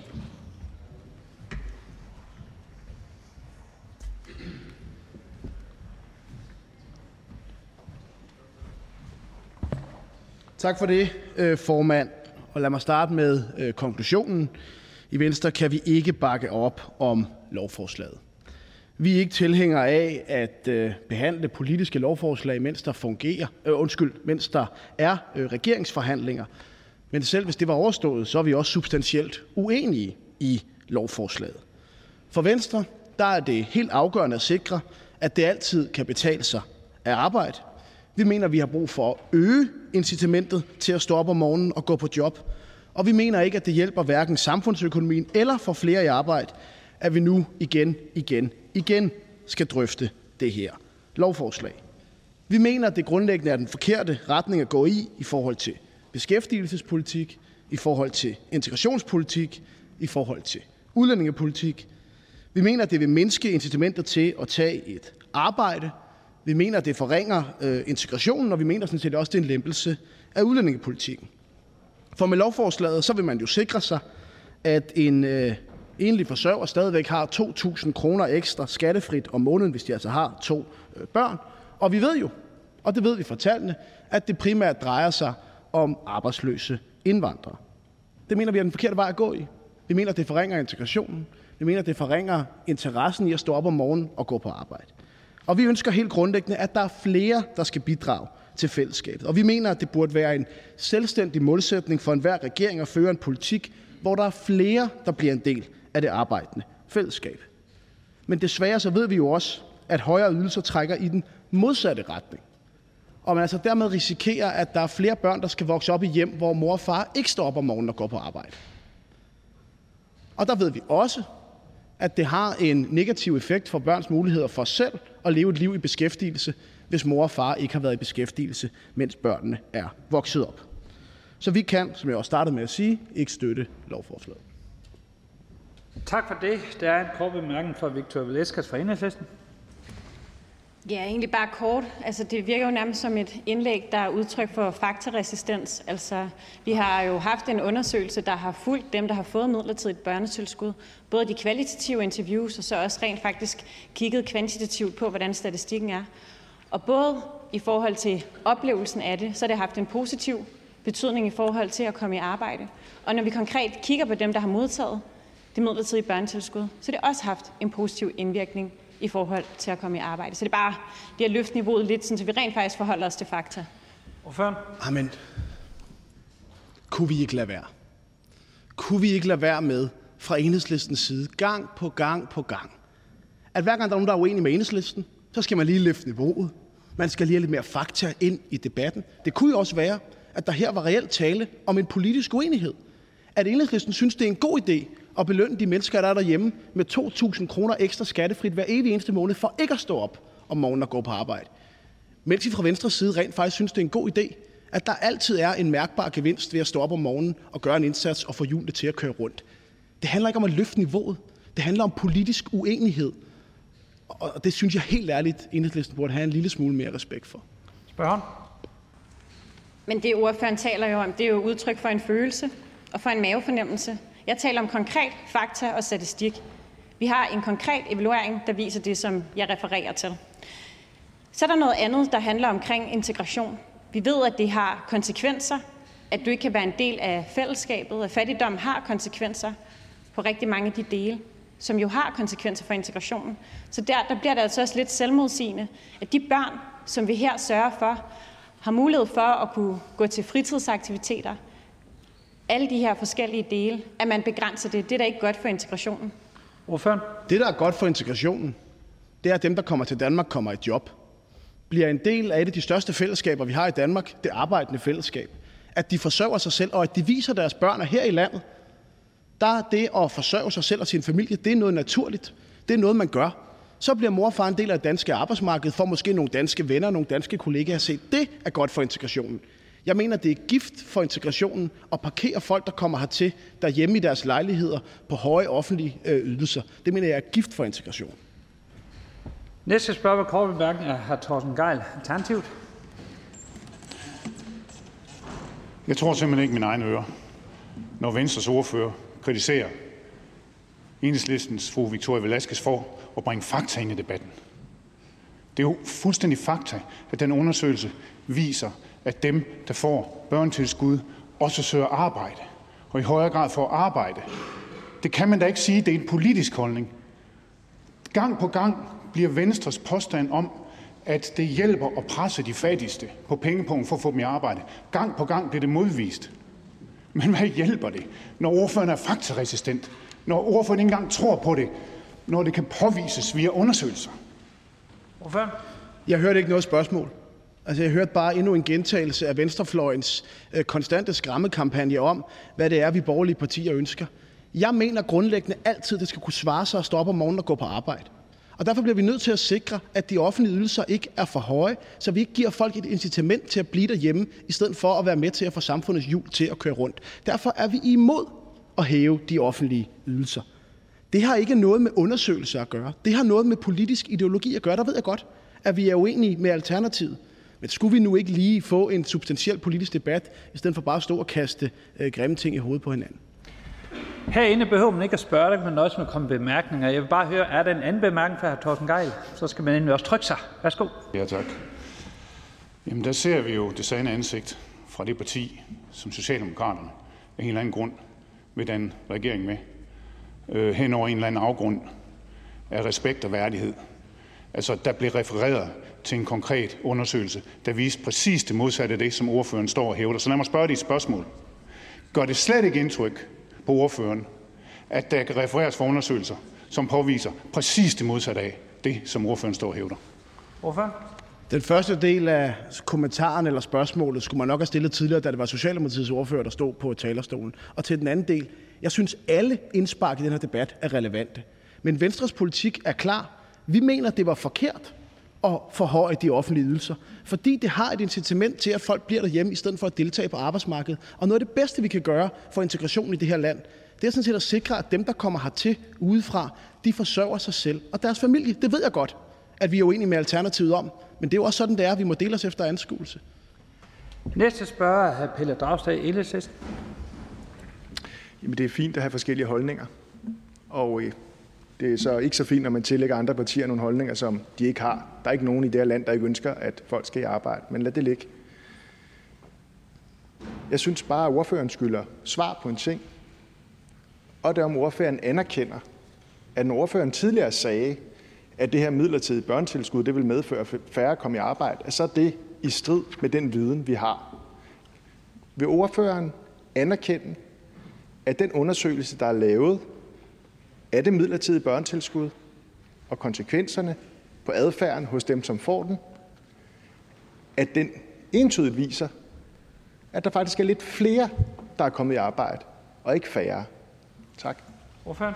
Om jeg vil anerkende, at det faktum, at man har hævet de offentlige ydelser, har gjort, at der er flere, der er kommet i arbejde? Nej, den sammenhæng anerkender jeg bestemt ikke. Spørgeren? Så ordføreren anerkender ikke den undersøgelse, som er lavet af den her ydelse, netop for at afprøve, om det var sådan, at det vil have en negativ adfærdspåvirkning. Altså det, at der ligger et stykke vidensgrundlag, det, det anerkender ordføreren ikke. Altså det er fordi, det passer ikke ind i ordførens verdensbillede, eller, eller, eller hvordan? Altså det, bare, det, det, for det, det, jeg, jeg, jeg mener virkelig, jeg har dyb respekt for ordføreren, og jeg har nogle forskellige holdninger, specielt hvis vi lader være prøve at misrepræsentere hinandens holdninger. Men, men vi er jo ikke lukke øjnene for, hvis der ligger undersøgelser, der, der, der giver et andet resultat end det, vi bryder os om. Ordføreren? Nu er det første gang, jeg står på talerstolen her efter valget. Og jeg er allerede i chok. At jeg skal stå her og blive belært af hr. Pelle Dragsted, der har forsøgt at bygge en politisk karriere på at kritisere gængse regnemetoder, kritisere den måde, man laver samfundsøkonomi på, for ikke at anerkende fakta. Jamen helt ærligt, det er ud over min vildeste fatteevne. Venstres politik er krystalklar. Vi mener ikke, at man skal hæve de sociale ydelser, fordi det naturligvis gør, at der er færre, der vil stå op om morgenen og tage et arbejde. Den næste er øh, Helene Lindal Brydthold fra Alternativ. Skål. Ja tak. Øhm, ordføreren siger, at øh, det skal kunne betale sig at gå på arbejde. Så vil jeg bare minde ordføreren om, at det her det handler om et øh, tilskud, et, øh, et børnetilskud. Og mig bekendt, så har vi jo ikke børnearbejde her i Danmark. Så vi kan jo ikke sende børnene på arbejde. Så hvordan forholder, øh, hvordan forholder ordføreren sig til, at, øh, at når man nægter at forlænge det her midlertidige børnetilskud, at så vil rigtig mange tusind børn ryge under fattigdomsgrænsen? Ordføreren? Jeg skal bare forstå sammenhæng. Altså, tilskud bliver udbetalt til forældrene, og derfor har, hvor mange penge de får i passiv forsørgelse, selvfølgelig en indvirkning på, om de ønsker at tage et, øh, et arbejde. Og vi mener, at det største socialpolitiske fremskridt, man kan gøre for de familier, der vokser op uden at have særlig mange penge, det er sådan set, at mor og far får et arbejde. Og der er faktisk, apropos forskning og undersøgelser, en hel del evidens for, at noget af det allervigtigste for, at man selv får øh, fast tilknytning til arbejdsmarkedet, det er, om ens forældre har haft det. Og derfor er noget af det bedste, man kan gøre for de her børn, det er at sikre, at mor og far får et arbejde. Ikke at parkere dem på en høj passiv forsørgelse. Spørgen? Nu er det jo sådan, at der er, øh, der er nogle mennesker her i landet, som ikke kan arbejde. af forskellige grunde. Og de mennesker, de kan jo også have børn, som jo nok er mange af de her børn, som, som vi taler om her. Så øh, jeg, jeg vil gentage mit spørgsmål. Hvordan forholder ordføreren sig til, at mange tusind børn vil ende under fattigdomsgrænsen, hvis vi ikke forlænger det her midlertidige børnetilskud? Ordføreren? Jamen, vi mener, at de børn, der vokser op i lavindkomstfamilier, de får den bedste hjælp ved, at vi hjælper deres mor og far ind på arbejdsmarkedet. For det første, så gør det, at der vil komme nogle flere penge i familiernes økonomi. For det andet, så mener vi også, at det har en selvstændig værdi at være en del af det arbejdende fællesskab. Det at vokse op i et hjem, hvor mor og far står op om morgenen og går på arbejde, det har en masse positive effekter ud over det økonomiske. Og derfor, hvis man fra venstrefløjen rent faktisk ønskede at hjælpe de her mennesker, så skulle man da føre en politik, der gjorde, at der var flere, der kom i arbejde, i stedet for at gøre det modsatte. Næste spørger, Trine Pertou Mach fra Enhedslisten. Tak. Jeg vil gerne spørge ordføreren øh, om to ting. For det første om med den her analyse, som ordføreren lægger for dagen omkring, hvordan øh, integrationen den bliver forringet af bestemte former for tiltag, så vil jeg gerne spørge ordføreren, om man mener, at det forbedrer integrationen, at mennesker ikke har råd til mad, til at betale sin varmeregning, til at øh, betale sin husleje i en situation med en bulrende inflationskrise, som driver en fattigdom frem i Danmark, vi ikke har kendt til i årtier. Det er mit ene spørgsmål. Mit andet spørgsmål går i virkeligheden lidt bredere på noget, som ikke kun har med integration at gøre, fordi det er jo typisk, at vi får diskuteret os hen i et hjørne, hvor det er det, det skal handle om, så vi kan stå og kaste med, med ting i huderne på hinanden. Det her det handler om borgere i tusindtal, mennesker af kød og blod, her Morten Dalin, som ikke har råd til at betale for mad, husleje, elektricitet og varme. Hvordan mener ordføreren helt menneskeligt, at man kan forsvare ikke at holde hånd under de her borgere i en tid med bullerne inflation? Ordføreren? Nu er vi der så igen. Fra Enhedslisten og Alternativet hører vi konstant, at hvis man ikke bakker op om præcis den politik, Enhedslisten og Alternativet fremlægger, så er man et dårligt menneske. Så er det, fordi man ikke ønsker nogen andre det godt. Jeg synes simpelthen, det er en uværdig måde at bedrive politik på. Vi er her alle sammen, fordi vi er overbevist om, at den politik, vi selv lægger frem, er den bedste for Danmark. Og jeg tror, det ville klæde venstrefløjen, og her tænker jeg særligt på enhedslisten, hvis man havde den præmis med i sin diskussion, at vi andre står her ikke, fordi vi er onde eller ikke kan lide andre mennesker. Vi står sådan set, fordi den politik, vi tror på, er vi overbevist om er bedst for Danmark. Enhedslisten mener så noget andet. Fær nok for det, men, men lad os få det som præmissen for, for diskussionen. Det tror jeg ville gavne os alle sammen, og ikke mindst den demokratiske samtale. Så spørger ordføreren så om integrationen. Ja, det, der hjælper integrationen, det er at føre den stik modsatte politik af det enhedslisten vil. Det, der hjælper integrationen, det er, at mennesker, der kommer hertil, der insisterer vi som samfund på, at de skal forsørge sig selv på arbejdsmarkedet. Det er godt for dem, det er godt for samfundet, og det er godt for deres børn. Spørgen? Altså for det første har jeg ikke omtalt øh, her Morten Dalins menneskelige beskaffenhed. Jeg forholder mig politisk til ordførens politiske synspunkter, som kommer til udtryk fra talerstolen lige nu. Øhm, så det er den ene ting. Den anden ting det er, at jeg synes faktisk, det mest uværdige er, at man ikke svarer på de spørgsmål, der bliver stillet.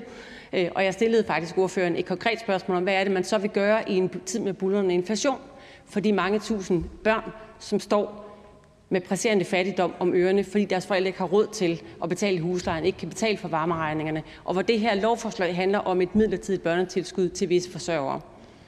Ordføreren? Og vi står i en udfordring med inflation i Danmark. Og Venstres synspunkt er også klart. Vi bliver nødt til at kigge på, hvordan vi hjælper nogle af de mennesker i vores samfund, som har udfordringer med at betale regningerne. Det er klart. Men at enhedslisten nu skal pakke det her ind i noget, der handler om inflation, altså det her har været enhedslistens politik også lang tid før, at vi oplevede en inflationskrise i Danmark. Så jeg synes, det er sådan lidt et forsøg på noget politisk spin øh, at pakke det her ind i en eller anden inflationskontekst. Vi mener naturligvis, at man skal gøre noget for at hjælpe helt almindelige mennesker med at betale deres regninger, men at det her det skulle være en inflationspakke fra enhedslisten, det er vist i kategorien politisk spænd. Så siger jeg mange tak til ordføreren fra Venstre, og velkommen til næste ordfører fra Moderaterne, Mette Kirkgaard.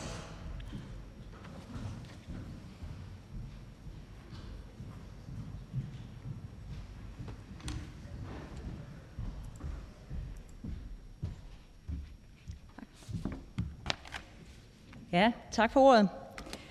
Øhm, for også at starte med konklusionen, så kan vi Moderaterne ikke bakke op omkring øh, lovforslaget, og det kan vi ikke henset til den øh, situation, vi står i med de igangværende regeringsforhandlinger. Vi mener simpelthen ikke, det er forkert at tage stilling til et lovforslag, øh, når vi ikke kender den kommende regerings beskæftigelsespolitik, socialpolitik og skattepolitik. Vores stillingtagen skal også ses i lyset af, at øh, det lovforslag, øh, altså den gældende lov, øh, L 171, som også har været ivrigt omtalt af det tidligere, øh, er gældende frem til den 31. 12. og den sidste udbetaling, som det også har været inde på, er øh, med udgangen af, af februar måned. Så vi øh, mener altså også, at der er tid at løbe på endnu, øh, også til, at vi kan øh, få den regering, der kan tage stilling. Jeg vil desuden også minde om, at den politiske aftale omkring vinterpakken, der blev indgået i, i, som en bred politisk aftale, også indeholder en indgangsforholdelse for af børne- og ungeydelsen i 2023 med det samme formål, og, eller med, blandt andet med det formål at hjælpe børnefamilier. Og selvom det ikke er en en til en, så sendes der altså også andre penge øh, familiernes vej.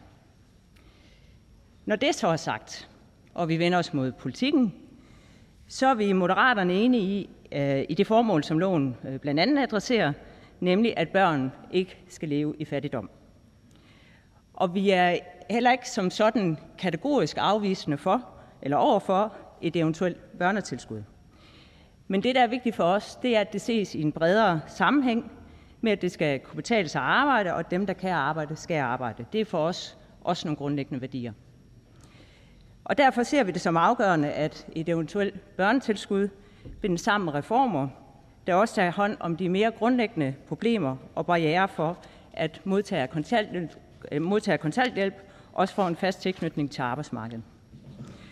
Og blot for at komme ind på nogle af de reformtiltag, vi kunne, vi kunne øh, foreslå, så er det for det første øh, at lave en stige ind på arbejdsmarkedet, som har flere formål, nemlig at øge arbejdsløsten, øge indkomsten og samtidig øge en mere fast tilknytning til arbejdsmarkedet for de allerlaveste indkomstgrupper, herunder kontanthjælpsmodtagere. Konkret foreslår vi et midlertidigt beskæftigelsesfradrag over en periode på fire år, hvor fradraget er højst det første år og derefter trappes ned. Et andet element i en reform kunne også være, eller mener vi med, med fordel kan tage højde for, at de familier, som i dag modtager midlertidigt børnetilskud, ofte også har flere andre udfordringer end, end kun børnefattigdom. Fordi ud over økonomi og beskæftigelseudfordringer, har de her familier også ofte både sociale, psykiske og sundhedsmæssige øh, udfordringer. Og det dokumenteres både af flere øh, undersøgelser. Det er noget, jeg har set i min erfaring som chef på familieområdet i, i øh, flere kommuner gennem mange år. Og så er det jo også noget af det, som de høringssvar, øh, der blev indgivet i forbindelse med L 21, øh, også fremsætter netop det her med, at de her familiers udfordringer er ofte mere komplekse end, end øh, børnefattigdom øh, alene, og end, end øh, det at få et tilskud alene. Og derfor vil det også for Moderaterne være vigtigt, at en fremtidig reform og lovgivning også understøtter, at de mange fagpersoner, som er omkring de her familier, øh, kommer til at arbejde tæt sammen, og at man kan lave noget, en, en forvaltningsreform og en lovgivningsramme, der rent faktisk understøtter, at vi kan arbejde, og de fagpersoner, der er omkring familierne, kan arbejde helhedsorienteret omkring familierne. Det er en af de udfordringer, der også er ved lovgivningen i dag nemlig. Derudover kan man sige, og det er det sidste, jeg vil komme ind på, det er, at børnefattigdom ikke kun er økonomisk fattigdom, men også er fattigdom i forhold til kultur og fritid eller åndelig fattigdom, som nogen taler om. Og en reform kunne derfor også med fordel indeholde det, vi i Moderaterne foreslår som et kulturpas. Så vi stiller os sådan set ikke, øh, for at opsummere, kategorisk afvisende over for et øh, børnetilskud, men vi mener, det er afgørende, at det ses i en bredere sammenhæng, hvor vi også tager hånd om de mere grundlæggende problemer. Øh, men når det kommer til lovforslaget som sådan, så kan vi altså ikke stemme for for at opsummere. Tak for ordet. Der er ingen bemærkning til ordføreren, så jeg siger tak til ordføreren for Moderaterne, og velkommen til, tak for det, og velkommen til den næste ordfører, Carsten Hønger fra SF.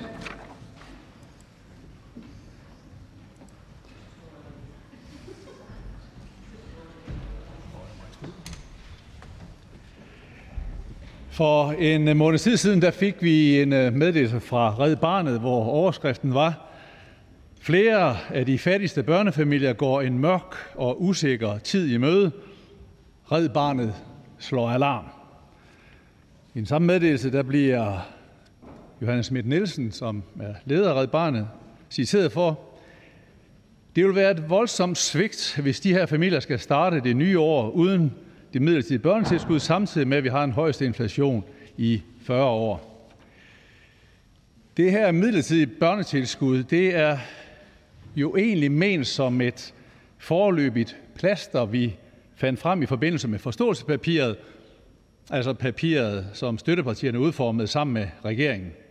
Det var tilbage i august-september 2019, at vi aftalte, at det her midlertidige børnetilskud skulle træde i kraft i stedet for en egentlig aftale om et nyt ydelsessystem. SF's mål er til gengæld fortsat fuldstændig det samme, nemlig at rive loftet over kontanthjælpen ned og lægge en ambitiøs plan for, hvordan vi mærkbart og målbart får færre fattige børn i Danmark, at tilføre systemet flere penge og at skabe et mere enkelt og gennemskueligt system for de samlede offentlige ydelser. Vi synes faktisk, det er en god idé at lave en aftale, der kigger på de samlede ydelser og se på, hvordan de indbyrdes spiller sammen. Ventetid.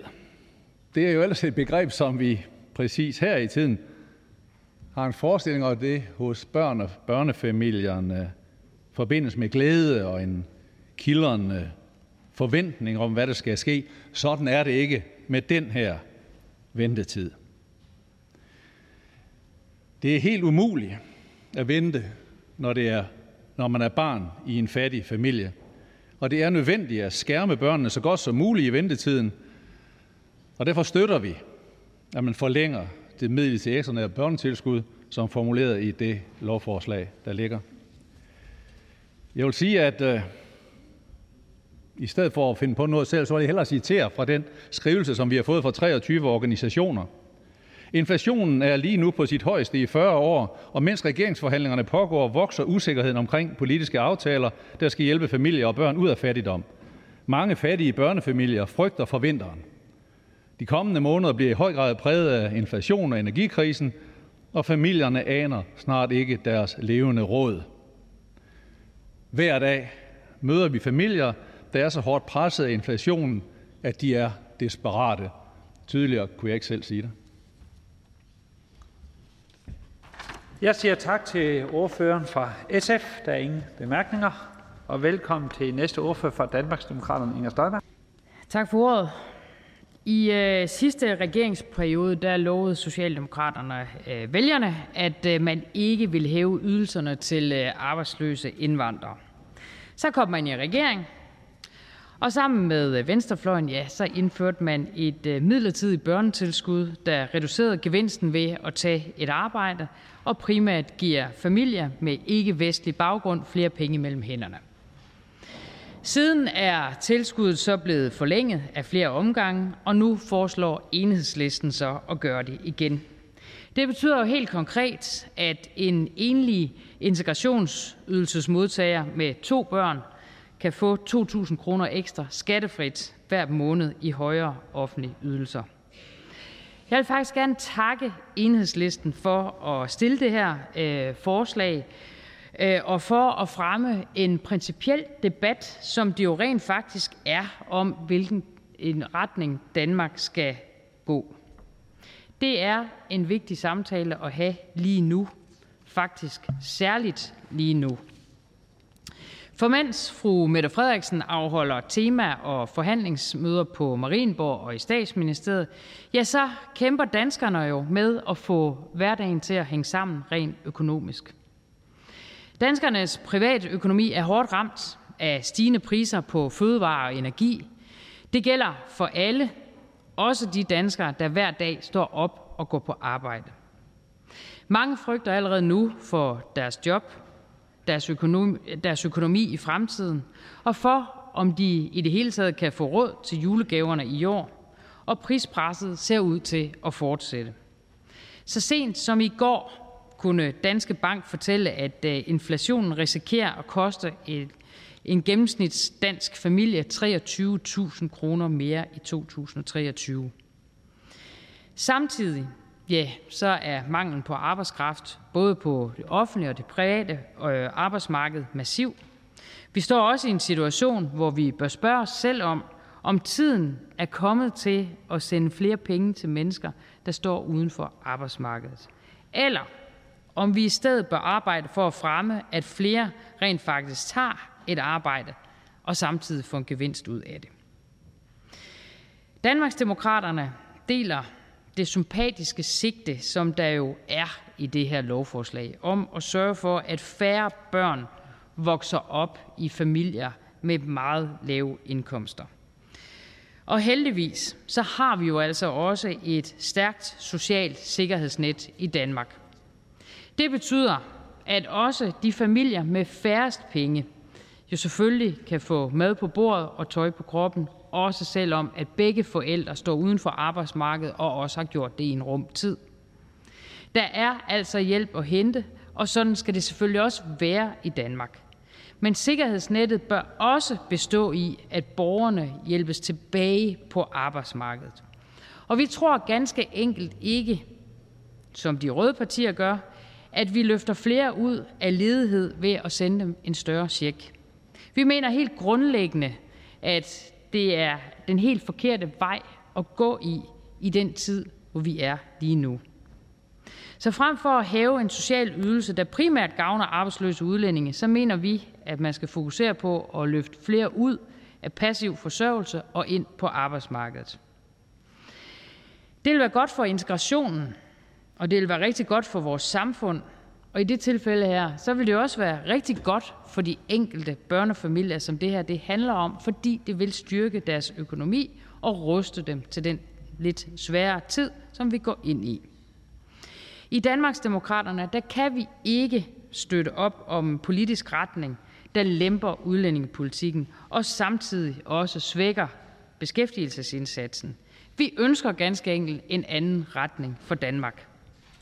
Derfor så har vi hele tiden sagt, at vi ikke kan støtte et forslag om at forlænge det midlertidige børnetilskud, der jo primært har givet arbejdsløse indvandrere og flygtninge flere penge mellem hænderne.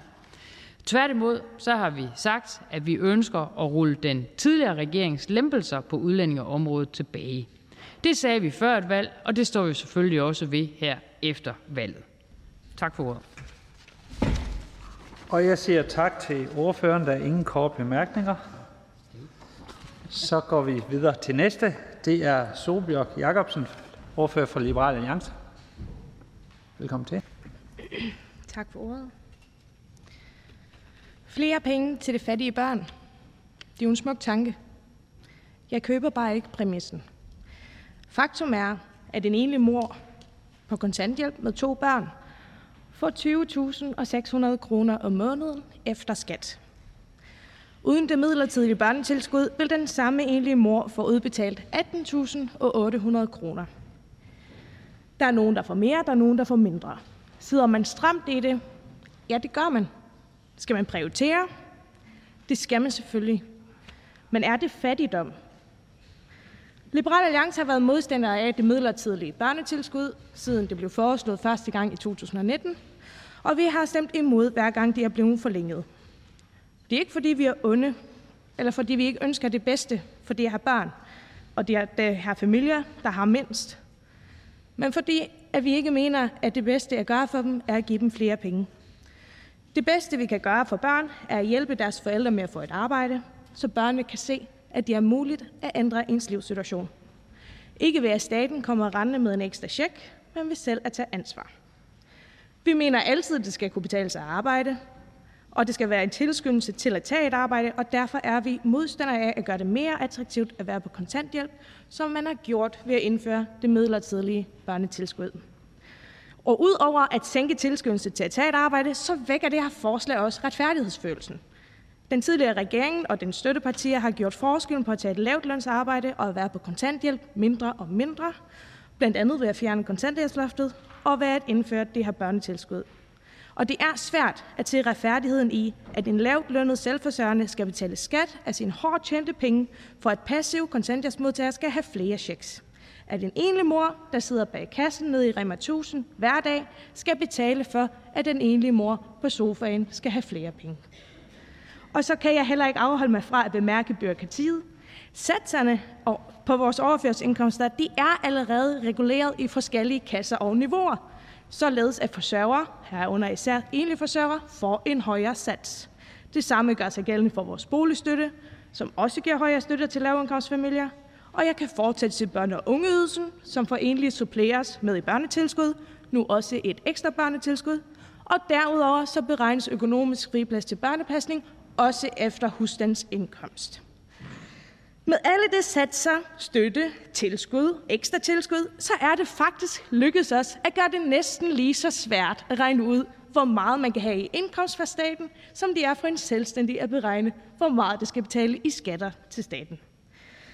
Efter endnu en valgkamp, hvor afbyråkratisering har været dagsordenen for begge fløje, så undrer det mig, at man fortsat planter træer i regeljunglen. Vi sænker tilskyndelsen til at tage et arbejde, vi sænker retfærdighed for dem i arbejde, især det lavt lønnet, og vi øger byråkratiet. Og sandheden er, at vi ikke ved, om der er nogle børn, der får glæde af det her. Det går ikke direkte til børnene, det går til forældrene, og det afhænger ene og alene af, om forældrene kan finde ud af at disponere deres penge rigtigt. Og vi ved jo desværre, at befinder man sig i den her situation, så er det typisk ikke mangel, penge, øh, mangel på penge, der er årsagen. Det er derimod et symptom, og du løser ikke et problem ved at have behandlet symptomerne. Du kan endda risikere at gøre problemet værre. Når min partiformand og forgængere som beskæftigelsesordfører for Liberal Alliance har talt om åndelig fattigdom, så skyldes det jo netop, at vi har indrettet ydelsessystemet på den her måde, hvor man i en iver efter at hjælpe nogle bestemte befolkningsgrupper bare forværrer systemet. Man tager ansvaret for borgeren, når man siger, du kan ikke finde ud af det selv, her har du nogle flere penge. Men umyndiggør borgerne, og du tager deres værdighed fra dem, så de føler, at de ikke selv kan komme ud af den her situation. Det er ikke et materielt problem, der kan løses for 1900 kroner om måneden. Det stikker langt dybere, og det her tilskud er med til at gøre problemet værre. Derfor kommer vi naturligvis også til at stemme imod lovforslaget. Tak for det. Vi har en indtil videre enkelt bemærkning fra hr. Peter Dragsted, Enhedslisten. Værsgo. Tak for det, og velkommen til øh, den nye ordfører. Øhm, der bliver bare sagt nogle ting, som, som jeg synes lige trænger til en, til en korrektion. Øh, der bliver sagt, at en, et kontanthjælps, til kontanthjælpsmodtager får udbetalt de her over 20.000 kroner. Den her ydelse, man snakker om, det er jo inklusiv nogle fradrag for betaling til børnehave, det er inklusiv øh, faderbidrag og en række andre ting, som man også modtager, hvis man er lavt lønnet. Øh, det er bare for, at folk ikke sidder derhjemme og sammenligner det tal, som ordføreren siger med deres egen lønseddel, fordi det, det, det er desværre den misforståelse, som tit opstår. Og, og, og det fører mig videre til det næste vigtige pointe. Ordføreren ønsker at tage hånd om den enlige mor, der sidder ved kassen, og derfor skal man altså så slå den, der er udenfor i, i hovedet, eller i hvert fald give dem en lavere ydelse. Men jeg synes, ordføreren glemmer, at der ofte er tale om den samme person. Lige nu kigger vi ind i, at 100.000 job forsvinder i 23, blandt andet formentlig i servicesektoren. Så nogle af de her enlige mødre, der sidder ved kassen, det er altså dem, som i løbet af det her år kommer til at være dem, der skal modtage den ydelse, som ordføreren taler om. Ordfører? Tak for bemærkningen og spørgsmålene. Øhm, ordføreren skal måske vide, at øh, tallene, der, som jeg har sat sammen, det er udbetalingen af kontanthjælpen efter skat, det er med børnebidrag, og det er med børne- og ungeydelsen og det særlige børnetilskud, der kommer. Det er mange af de ting, som hvis du sidder for eksempel i et hus og ikke kan få boligstøtte, hvis du er sammen med din øh, børns far, så får du ikke det her penge. Hvis du, hvis du kobler sammen, hvad man får i kontanthjælp, hvad du får i børne- og ungeydelse, hvad du får i børnetilskud, hvad du får i særlig børnetilskud, så er det altså det her beløb, man har at gøre med efter skat. Så jo, du må gerne sammenligne det med, hvad du tjener i Rema 1000. Spørger? Nej, det, kan du ikke, fordi øh, den, der får en lønseddel, får jo også et børnetilskud. Hvis man har et lavt løn, får man også adgang til den friplads i daginstitutionen. Nogle har også adgang til det særlige børnetilskud. Så vi bliver bare nødt til, for at vi ikke skaber den her, som man nogle gange synes opstår hets mod dem, som er ramt af arbejdsløshed, og være, være præcise, når vi bruger de her tal.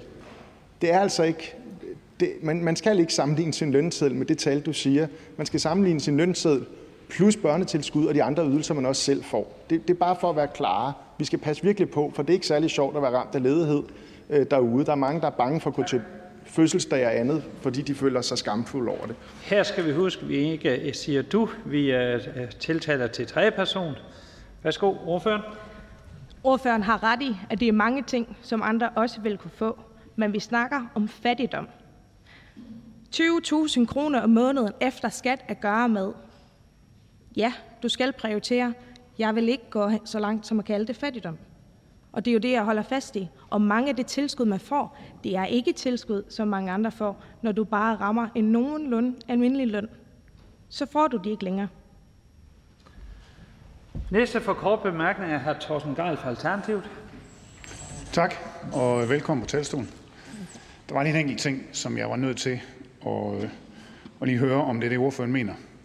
Mener ordføreren, at hvis vi undlader at tage det midlertidige børnetilskud fra de her familier, hvis vi undlader det, det er det, vi gerne vil undlade, de får det jo nu, men hvis vi undlader det, mener ordføreren, at det er det samme som at tage værdigheden og myndigheden fra de her familier?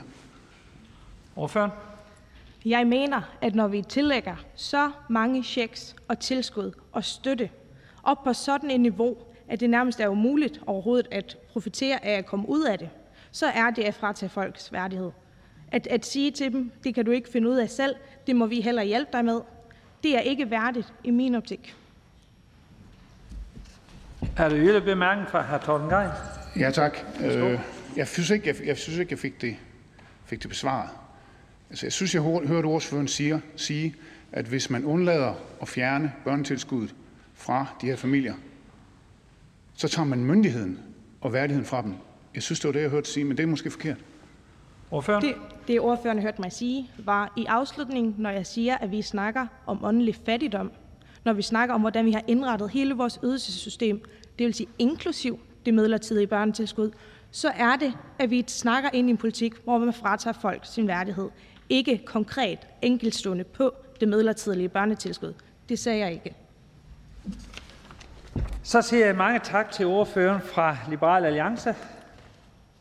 Og velkommen til den næste fra Konservative Folkeparti, Niels Flemming Hansen. Mange tak for det, hr. formand. Jamen, øh, for at starte øh, med det sidste først. Det konservative Folkeparti kan ikke øh, bakke op om forslaget. Øh, I og med, at der ikke er dannet regering, så synes vi også, at det er et øh, forkert tidspunkt at diskutere det på. Øh, vi har jo tidligere været på talerstolen mange gange omkring det her forslag og har jo udtrykt den holdning, at hvis man øh, lever i Danmark, så skal det altid kunne betale sig at arbejde. Det sagde vi sidste gang, og jeg tror sågar også forrige gang, da jeg holdt den her tale. Og vi synes simpelthen, at det her forslag trækker Danmark i den forkerte retning. Jeg synes, det er dybt personligt, synes jeg, det er dybt uretfærdigt og en hån mod de mennesker, der går på arbejde hver dag, at der er folk, der får flere penge for ikke at lave noget. Børn har godt af at se deres forældre gå på arbejde hver dag og bidrage til fællesskabet. Samtidig med det er vi øh, på en krise i arbejdsmarkedet, hvor danske virksomheder lige nu er presset og skriger på arbejdskraft. Derfor kan vi ikke se os selv i forslaget og kan desværre ikke bakke det op. Der er ikke yderligere bemærkninger. Tak til ordføreren. Vi går videre i rækken til den næste, Samir Narva fra Radikale Venstre.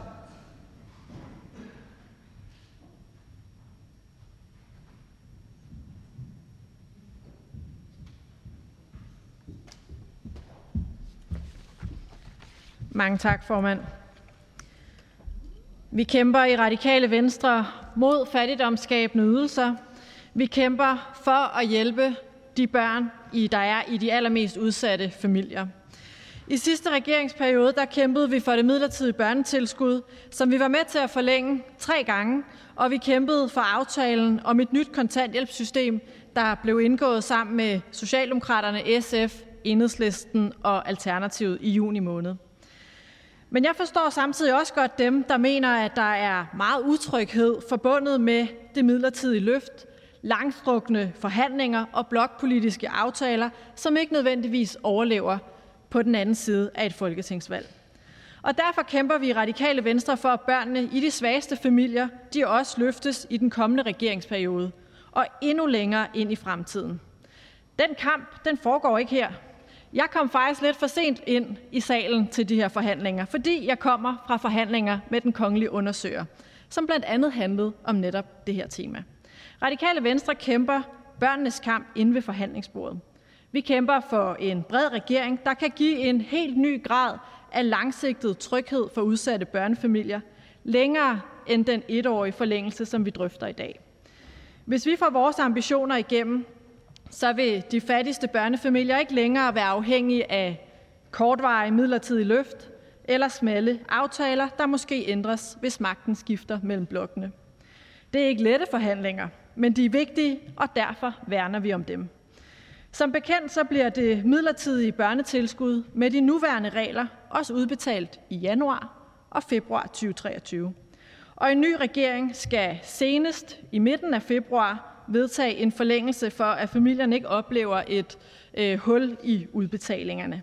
Indtil da der tager vi kampen ved forhandlingsbordet i håbet om, at det kan lede til en langsigtet og et bredt politisk øh, løft for de allerfattigste børn. Tak for ordet.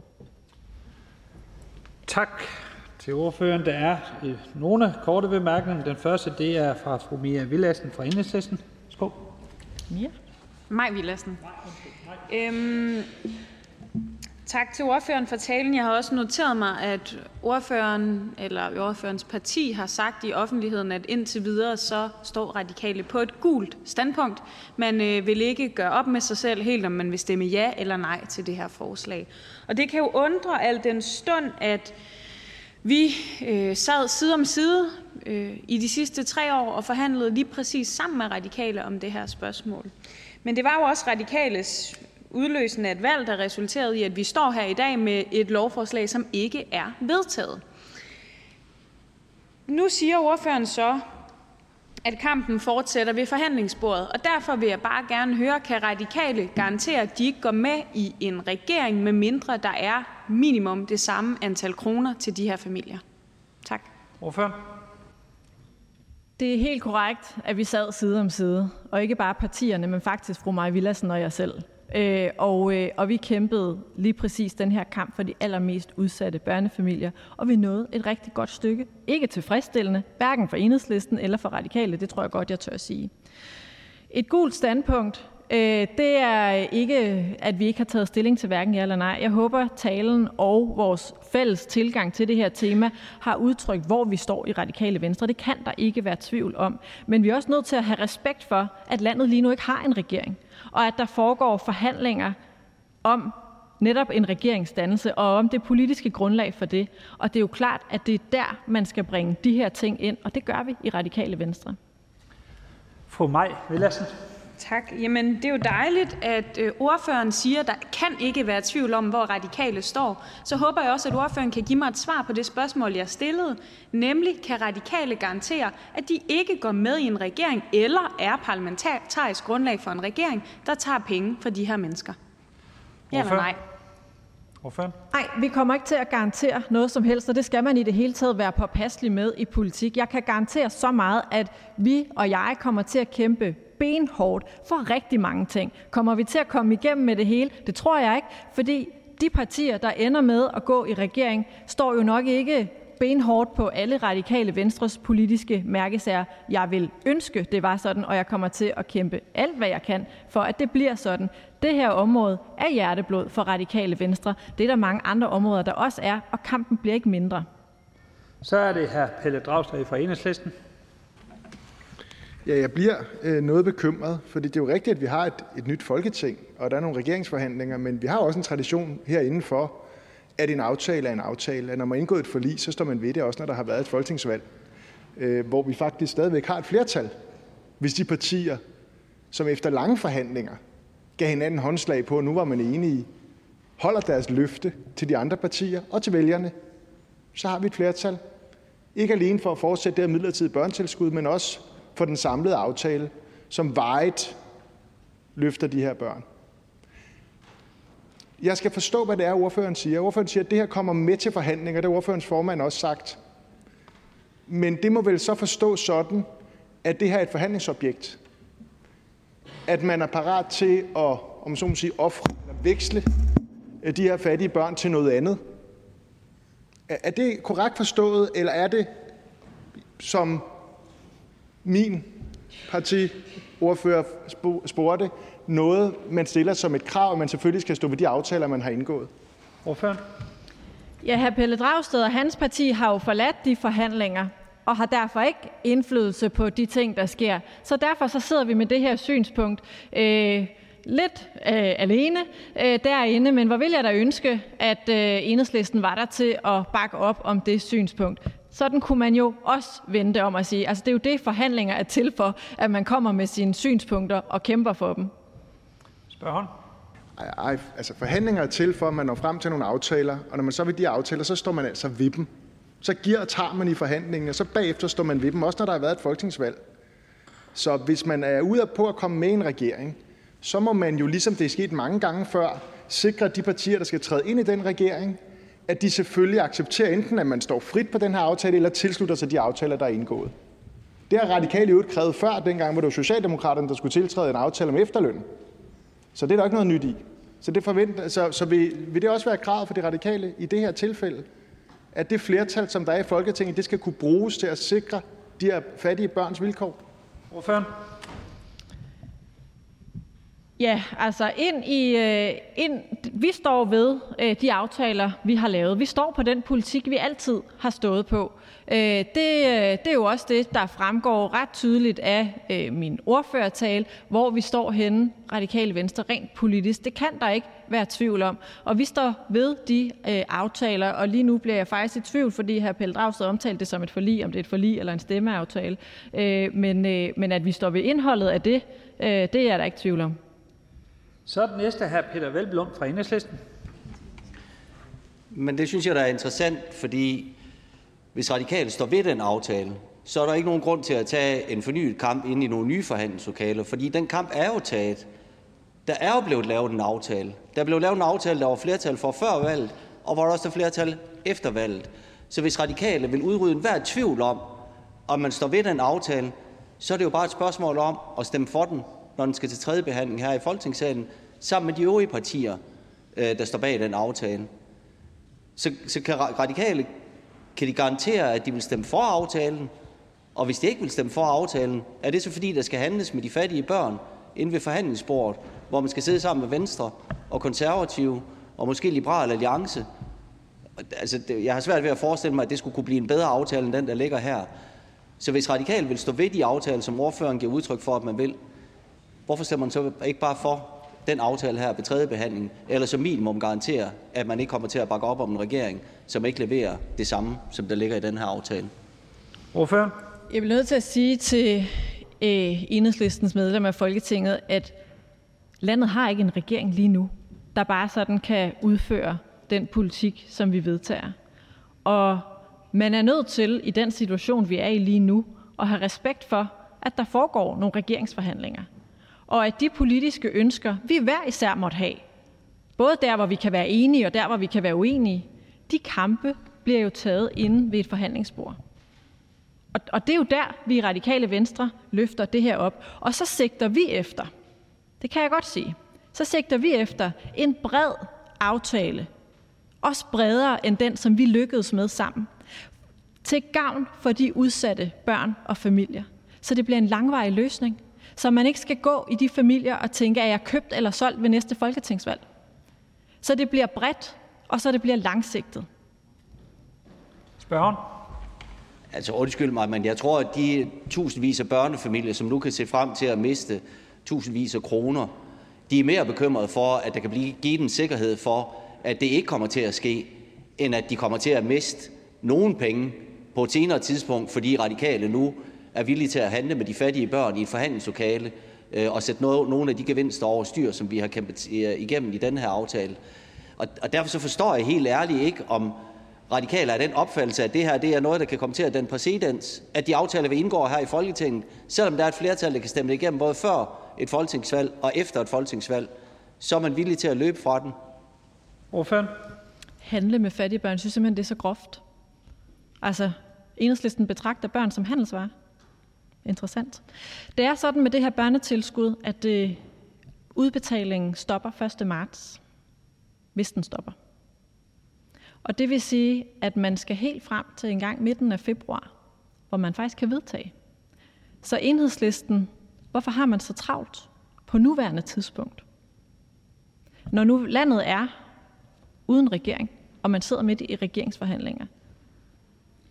Jeg forstår det ikke. Næste spørger hr. Torsten Gejl fra Alternativet.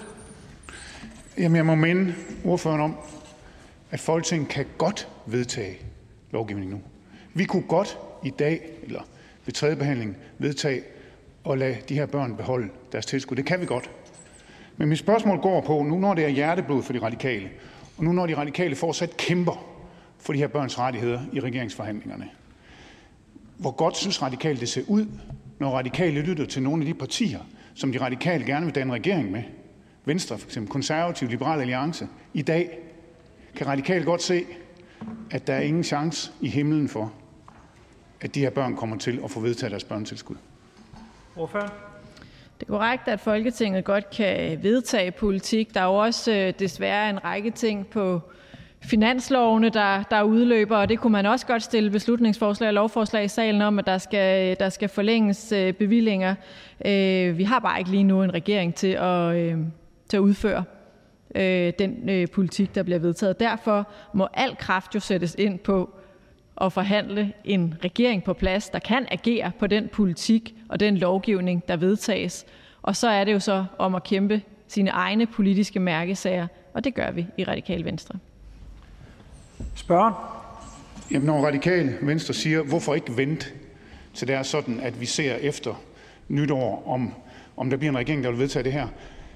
Hvorfor siger radikale sådan, når radikale Venstre godt ved, at der ikke er en chance for, at det bliver fremsat og vedtaget, når det netop er sådan radikale i den her sal i dag har kunne høre holdningen fra de partier, radikale vil danne regering med til det her spørgsmål, at der ikke har en chance for det. Hvordan kan det så være, at radikale siger, at vi skal til at vente på, at det ikke sker, i stedet for at gøre det nu? Ordføreren?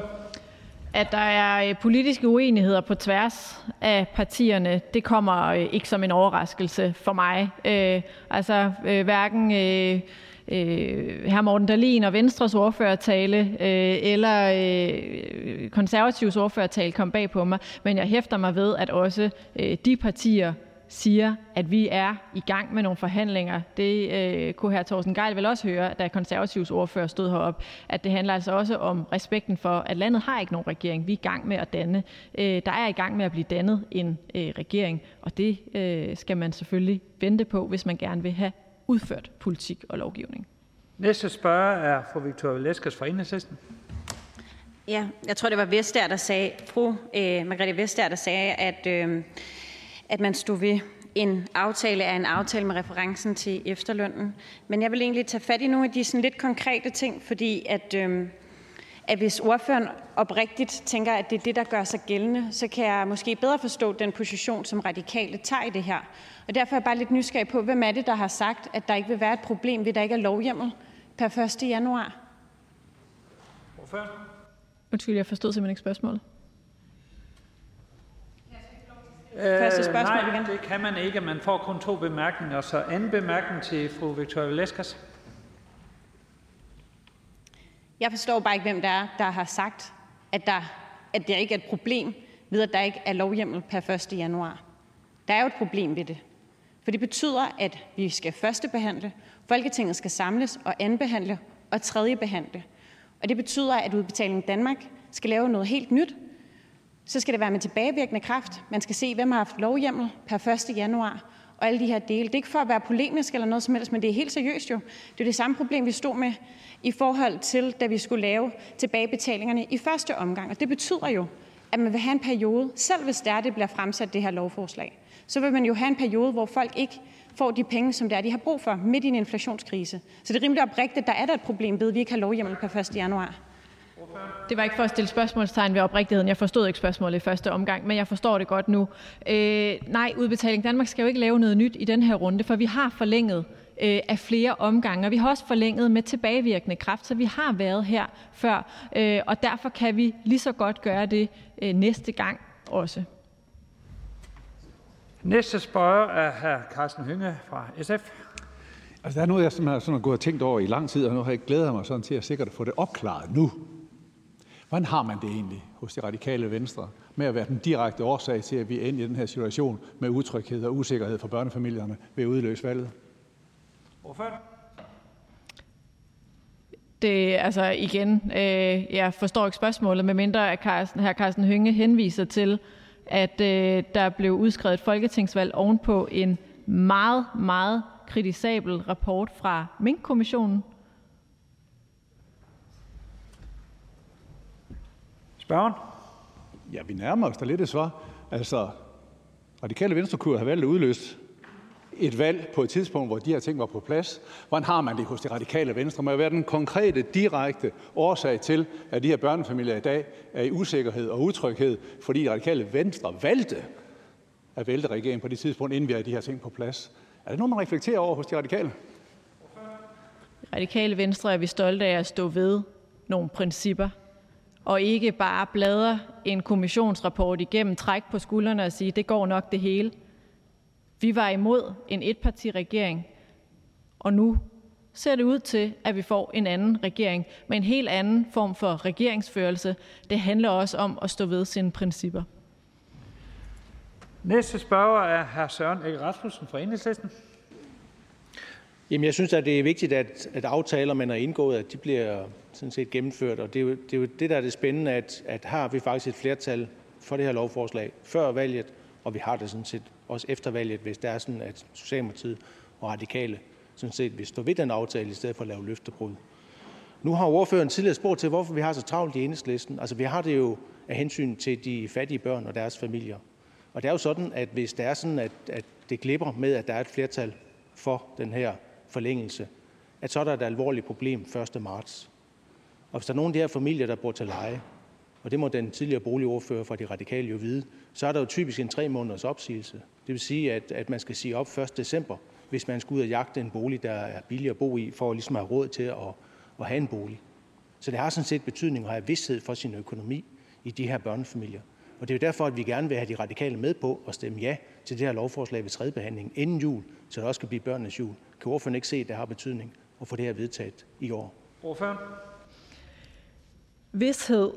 Det er jo lige præcis den vidshed, som vi gerne vil sikre bredere, end det er nu. Så man ikke som børnefamilie eller andet kan se sin økonomi afhængig af, om det er den ene fløj eller den anden fløj, den ene blok eller den anden blok, der vinder et folketingsvalg.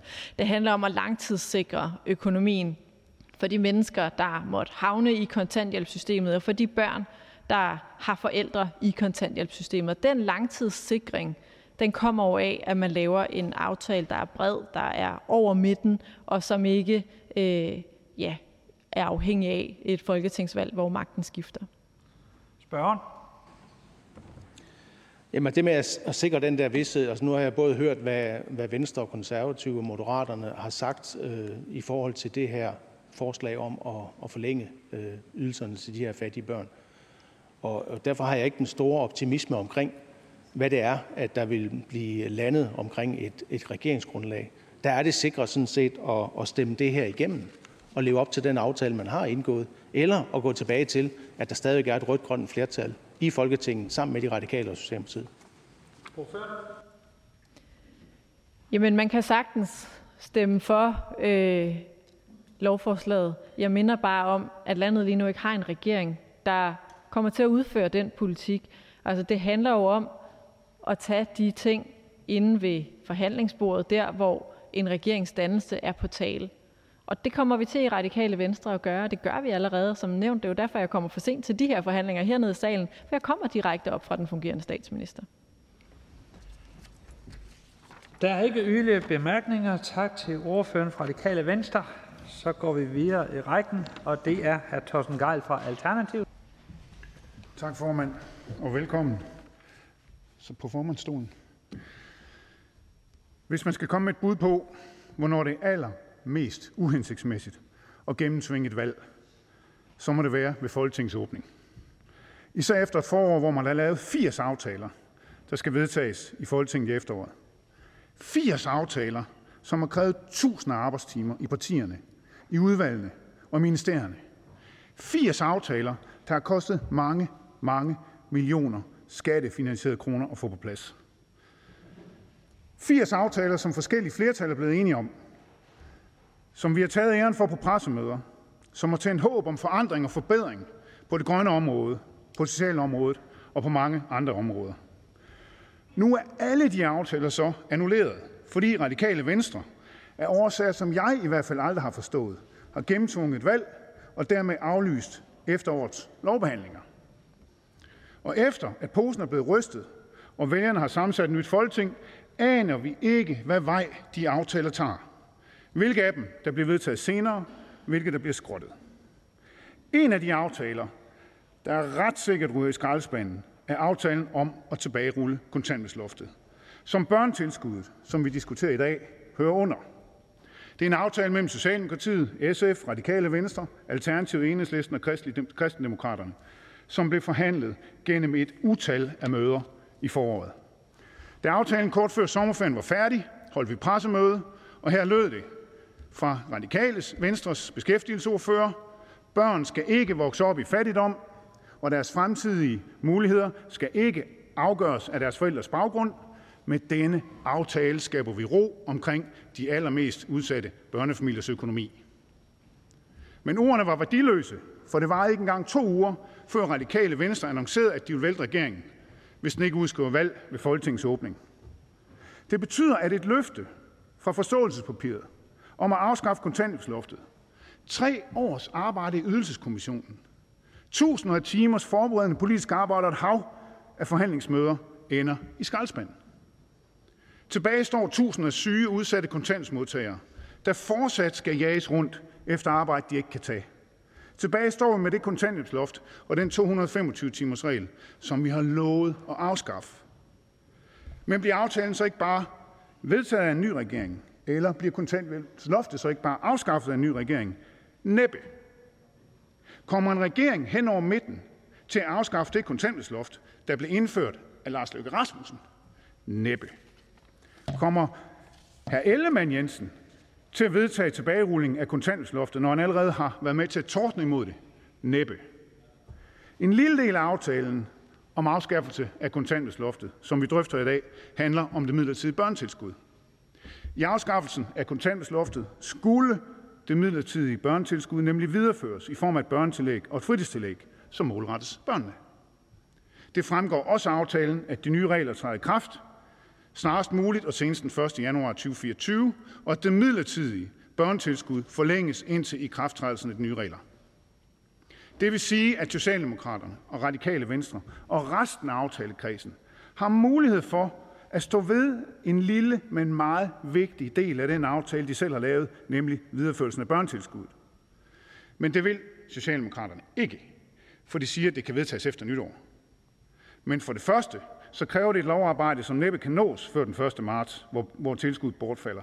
Og for det andet, så vil hr. Peter Hummelgaard ikke garantere at stemme for at beholde børnetilskuddet efter nytår, og så bliver det jo bare en fuldstændig gratis omgang. Betyder det så, det betyder så, så vidt vi kan regne ud på vores regnemaskiner, at omkring 23.000 børnefamilier mister tilskuddet i en tid, hvor priserne stiger og alting bliver dyrere. Og det sender tusinder af børnefamilier under fattigdomsgrænsen. Det kunne vi have forhindret i dag. Vi kunne have givet alle de børnefamilier ro over julen og sikre sikkerhed for, at børnetilskuddet ikke forsvinder til foråret. I stedet vælger Socialdemokraterne at skubbe beslutningen til efter nytår, hvor man ikke ved, om forslaget bliver stillet, eller om det bliver vedtaget.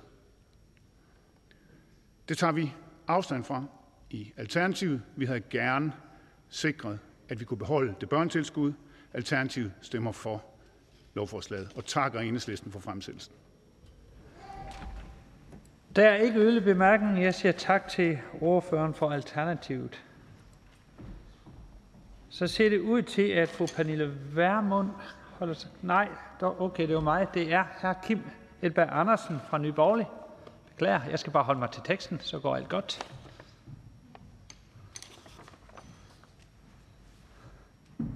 Velkommen til. Tak for mig. Nye Borgerlige, vi har en politik, der står for at sikre danskerne mindre stat, mere menneske. Og derfor er det også glædeligt for mig, at min nordiske kollega, hr. Peter Velbund, har gjort min første ordførertale til en, hvor det ikke er sværere for mig at komme frem til et klart svar, end det her det var. For naturligvis kender en rigtig borgerlig svaret, når spørgsmålet er, om man vil gøre vejen til selvforsørgelse længere, og ikke kortere. Og naturligvis kender en rigtig borgerlig svaret, når, lovforslaget, når der i lovforslaget fremhæves, at der ingen positive konsekvenser er for kommuner, regioner, stat eller erhverv. Ingen. Ikke en eneste. Kun en regning til danske skatteborgere på cirka 1 million i døgnet.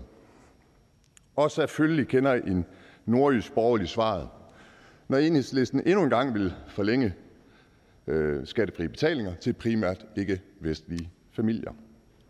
Min kollega Lars Bøje sagde det ved lovens fremlæggelse, og sagde det igen og igen hver eneste gang, den er blevet forlænget siden.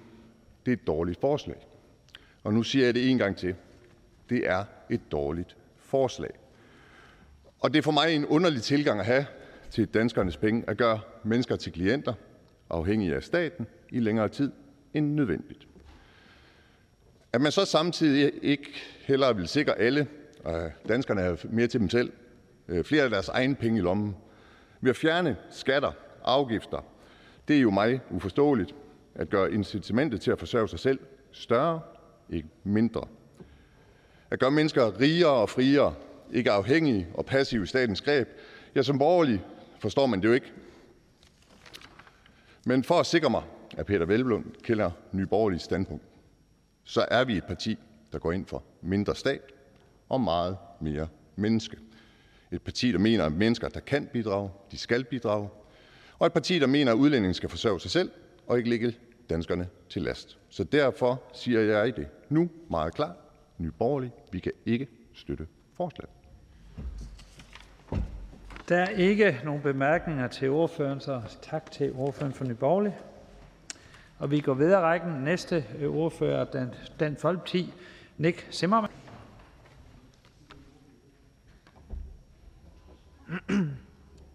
Tak for ordet. Et nyt folketing skal nu tage stilling til det midlertidige børnetilskud til visse forsørgere. Tilskuddet, som det nok er alle bekendt, er jo allerede blevet forlænget tre gange. Der er altså tale, af en, øh, tale om forlængelse af en lov, der målrettet hæver de sociale ydelser af arbejdsløse flygtninge og indvandrere. Beskæftigelsesministeriet har jo selv peget på, at knap 66 procent af de her modtagere af det midlertidige børnetilskud stammer fra et ikke-vestligt land. Det midlertidige børnetilskud er altså en klokkeklar lempelse af udlændingepolitikken. For når man giver en indvandrerfamilie op imod 2.000 kroner om måneden, skattefrit vel og mærket, og betalt af hårdt arbejdende danskere, der går på arbejde, så gør man det alt andet lige mere attraktivt at komme her til Danmark. Og det er selvfølgelig en helt forkert vej at gå. Men ikke nok med, at det er en lempelse af udlændingepolitikken. Med det midlertidige børnetilskud, der belønner man altså også de mange indvandrere, der allerede i dag står uden for arbejdsmarkedet. For når man øger ydelserne så markant, som man gør, så bliver det altså alt andet lige mindre attraktivt at komme ud på arbejdsmarkedet. Og det er det, der er konsekvensen.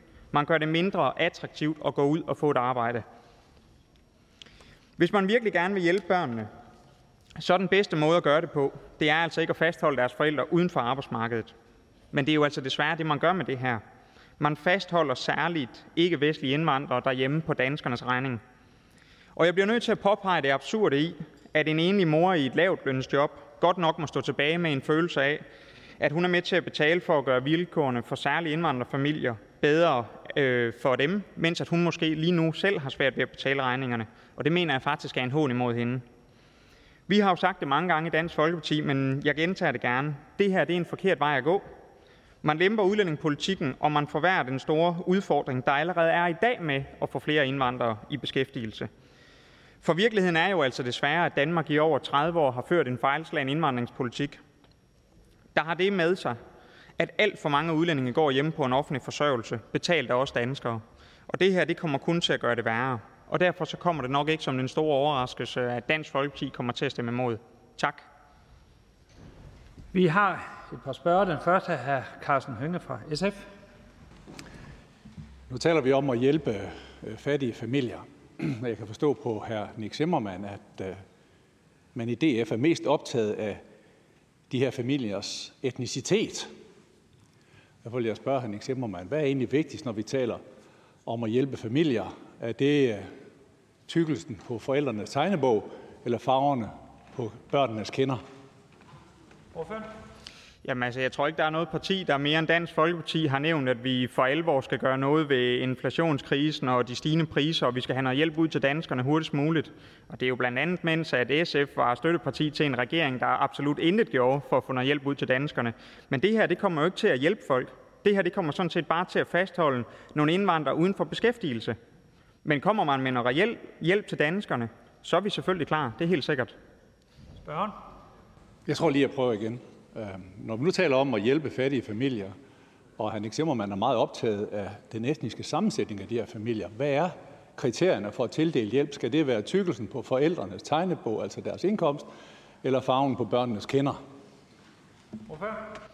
Jamen det skal i hvert fald absolut ikke være noget, der er udelukkende af målrettede folk, øh, der kommer hertil, øh, og for at holde dem uden for øh, arbejdsområdet. Altså det, der sådan set er det vigtigste for os, det er, at vi får noget målrettet hjælp ud til danskerne, og det skal være hurtigst muligt. Og det er om nogen Dansk Folkeparti, der har presset på for det. Men det hjælper det her jo ikke med. Så har vi en kort bemærkning til Sascha Faxe fra Alternativet.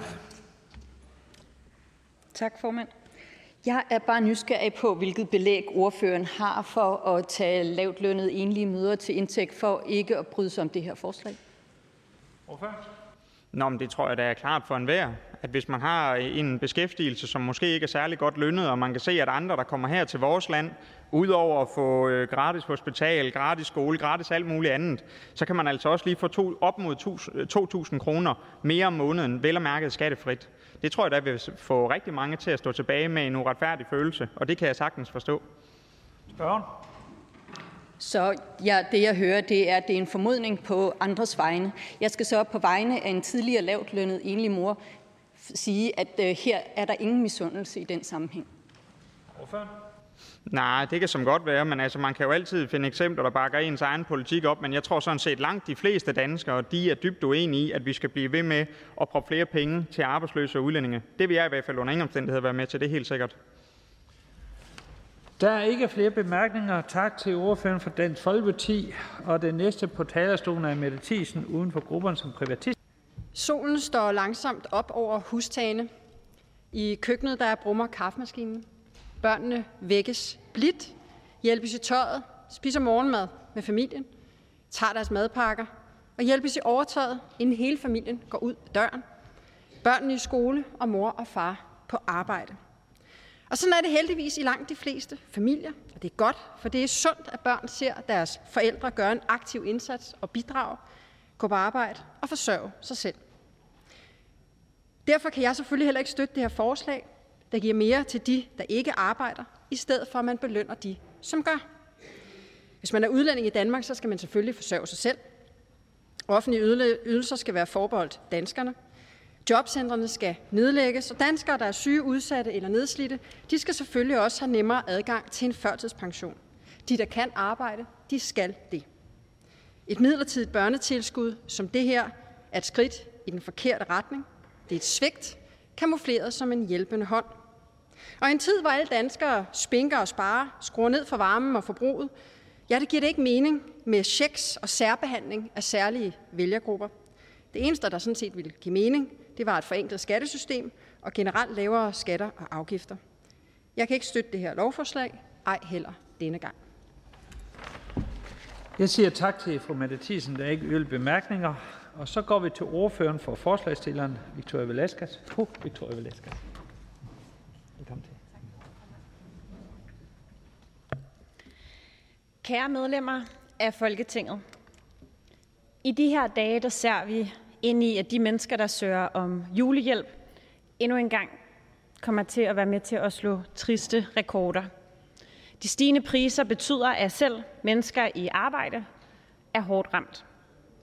Det står ekstra slemt til, hvis man er nogle af dem, som uforskyldt er endt på kontanthjælp og virkelig ikke har særlig mange penge at gøre godt med.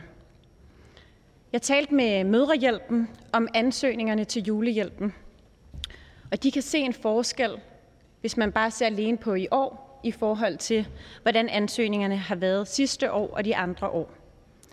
Tidligere har det, som der har fulgt og fyldt i de ansøgninger, som der har været, er, at barnet øh, ikke skal føle sig uden for fællesskabet, også skal have en julegave, så når man mødes med legekammeraterne efter julen, også kan fortælle i den runde, at man har fået en julegave, og hvad man har fået. Og det handler meget om, at man ikke skal føle sig udenfor, men have mulighed for at kunne være en del af fællesskabet på samme måde som de andre. Men nu, nu har ansøgningerne mere karakter af nogle helt grundlæggende behov. Behovet for at få mad på bordet går igen og er noget af det, der fylder i juleansøgningerne, sammenlignet med, hvordan det gør de andre år. Altså, vi taler om at have råd til mad. Prøv lige at lukke øjnene og forestille jer, hvordan det er at stå i denne her situation. Vi har hørt beretninger om forældre, som ikke spiser aftensmad sammen med deres børn, netop fordi, at det er svært at få økonomien til at hænge sammen. Det burde ikke være sådan. En enlig mor hun fortalte mig om, hvordan hun føler en enorm afmagt. Jeg kan dårligt nok få enderne til at mødes, til trods for det midlertidige børnetilskud, sagde hun til mig, på grund af de stigende priser. Hvad skal jeg gøre nu? Vi bliver mange, der må gå fra hus og hjem. Og hun er ikke den eneste. Jeg talte med en socialrådgiver, der hver eneste dag taler med familier, som er rigtig hårdt presset på økonomien. Og selve den dag, jeg talte med hende, der havde hun talt med tre, som simpelthen stod og boksede med huslejen. Den ene var en enlig mor, der var sat ud af sin lejlighed. En anden forældre havde heller ikke råd til at blive boende længere i samme kommune som det område, som faren bor i. Og så rejser spørgsmålene, så skal barnet flytte i institution? Hvad med legekammeraterne og rigtig mange andre ting? Og der mener jeg, at det er fuldstændig uforsvarligt som folkevalgte at stille de forældre, de børn i den situation. Og det er ikke kun de konkrete mennesker, som jeg har talt med, som der bliver ramt. Det er heller ikke kun den konkrete socialrådgiver, som desværre ser, at det her er et generelt problem. Over 20 fagforeninger og organisationer har sendt os alle sammen et brev, hvor der står, og jeg citerer, hver eneste dag møder vi familier, der er så hårdt presset af inflationen, at de er desperate. Situationen er dybt bekymrende og fordrer mere end akutte hjælpepakker. Der er også brug for vedvarende og strukturelle indsatser, hvis vi skal sikre børn et liv uden fattigdom. Så derfor håber vi inderligt, at I som minimum vil holde fast i kontanthjælpsaftalen. Og det er beskeden fra HK, 3F, FOA, Red Barnet, Møderhjælpen, socialrådgiverne, pædagogerne, lærerne og mange flere. Flere af dem, som til dagligt konkret har med børnene at gøre. Jeg synes, vi skal lytte til dem. Der kommer ikke nogen akuthjælp lige i forløbet. Og hvis vi ikke stemmer det her lovforslag igennem, så vil vi se ind i en situation, hvor der direkte bliver taget penge væk fra nogle af de fattigste børnefamilier, midt i en desperat situation, hvor økonomien rækker meget kortere end før. Vi har en aftale. Vi har lovgivningen på vores side. Der er intet til hænder for, at vi selvfølgelig kan holde hånden under de tusindvis af børnefamilier. Så helt ærligt, jeg synes alt det spin og udenomsnak, vi skal lægge det til side. Og lad være med at fjerne fokus fra det, det rent faktisk gælder om. Og det er selvfølgelig at sikre økonomisk tryghed for de her børn.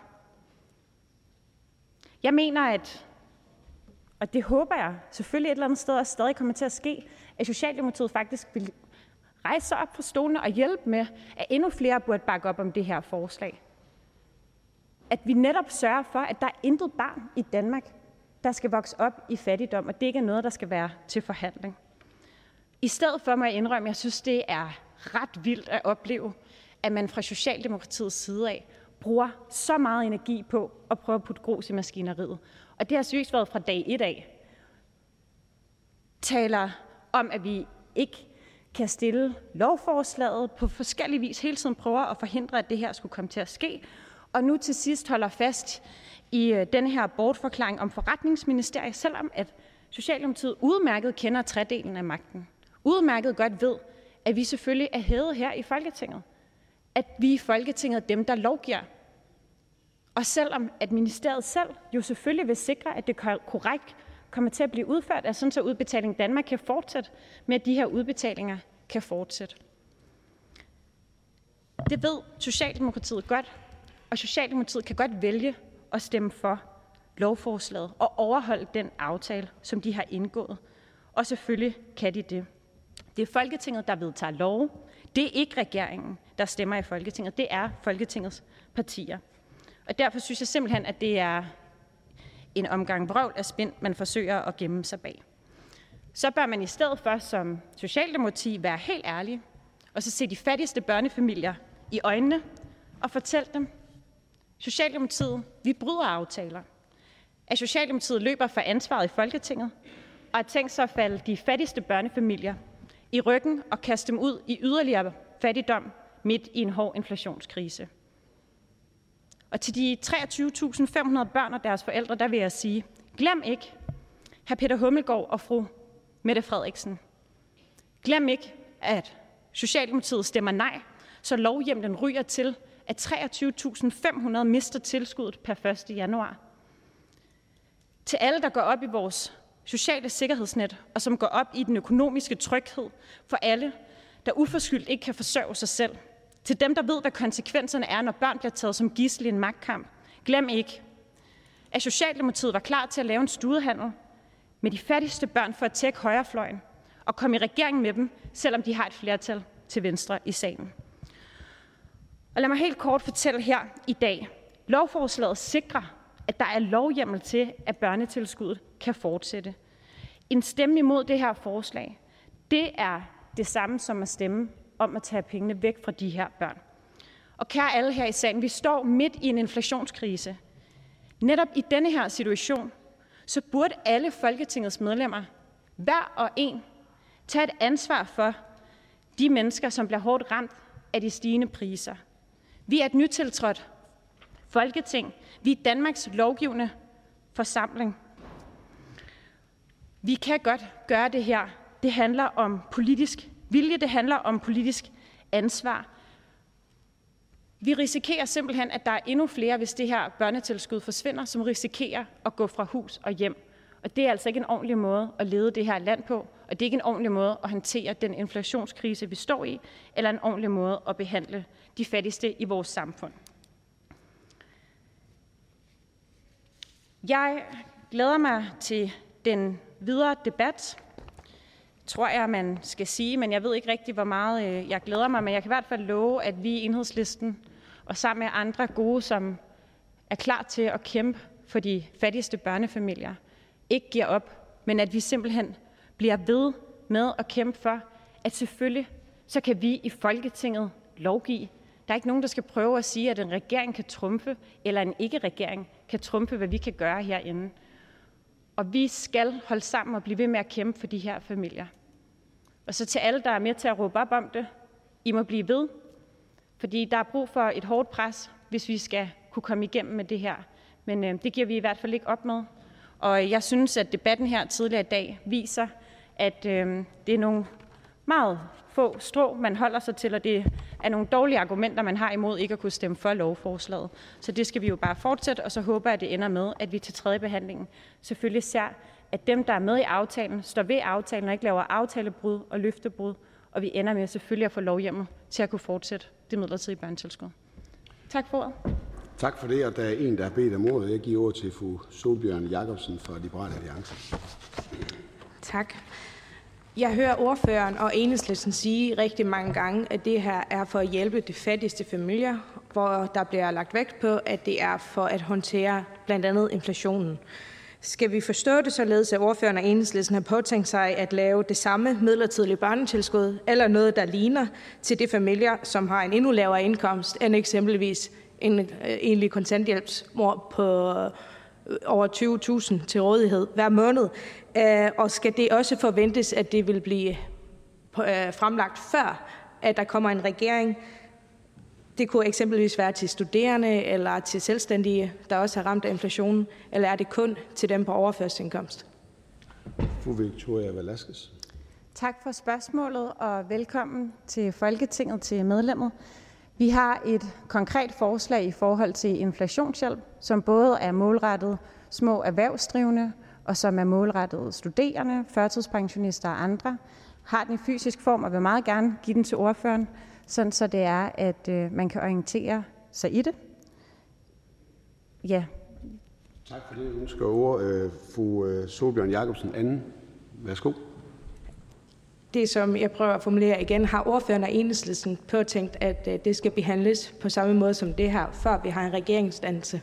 Der er mange aftaler, der ligger. Jeg spørger konkret, er der flere ting, vi skal forvente at behandle, før vi har en regering? Ordføreren. Egentlig kan regeringen jo sagtens, både øh, altså selvom man er gået af, så længe man ikke er blevet væltet, så er der faktisk ikke noget til hinder for, at man kan indkalde til forhandlinger og lave aftaler, selvom der ikke er indgået en regering. Og på samme måde vil vi også udenom den kongelige undersøger sagtens kunne lave nogle aftaler, hvis det er, at der er flertal for det. Det synes jeg er præsent. Jeg synes, det med akuthjælp i forhold til inflationskrisen er et godt eksempel. Det, som der også bare er rigtig vigtigt at byde mærke her, det er, at det her det er nogle af dem, der bliver allerhårdest ramt af de stigende priser, og det er nogen, der mister penge, hvis vi ikke reagerer. Tak til ordføreren. Da der ikke er flere, som har bedt om ordet, er forhandlingen sluttet. Jeg foreslår, at lovforslaget henvises til et særligt udvalg på 29 medlemmer. Hvis ingen gør indsigelse, betragter jeg det som vedtaget. Det er vedtaget. Da der foreligger indstilling fra grupperne, skal jeg allerede i dag i indeværende møde uden for dagsordenen lade foretage, øh, foretage valg af det nævnte udvalg. Der er til dette valg anmeldt følgende valggrupper. En gruppe på 90 medlemmer. Socialdemokratiet, Socialistisk Folkeparti, Enhedslisten, Radikale Venstre, Alternativet, Siumut, Inuit Ataqatigiit øhm, og Javnavar Flokkorin. En gruppe på 73 medlemmer. Venstre, Danmarksdemokraterne, Liberal Alliance, Det Konservative Folkeparti, Nye Borgerlige, Dansk Folkeparti, Sambandsflokkurin og Mette Thiesen uden for grupperne. Og en gruppe på 16 medlemmer. Moderaterne, Navne på de valgte kan findes på folketingstidende.dk. Samtidig er der for grupperne fremkommet forslag om valg af formand og næstformand. Der er kun bragt én i forslag til hver af disse poster, og navne kan findes på folketingstidende.dk. Der er ikke mere at foretage i dette møde. Når vi kender datoen for Folketingets næste møde, vil der tilgå medlemmerne besked herom. Mødet er hævet.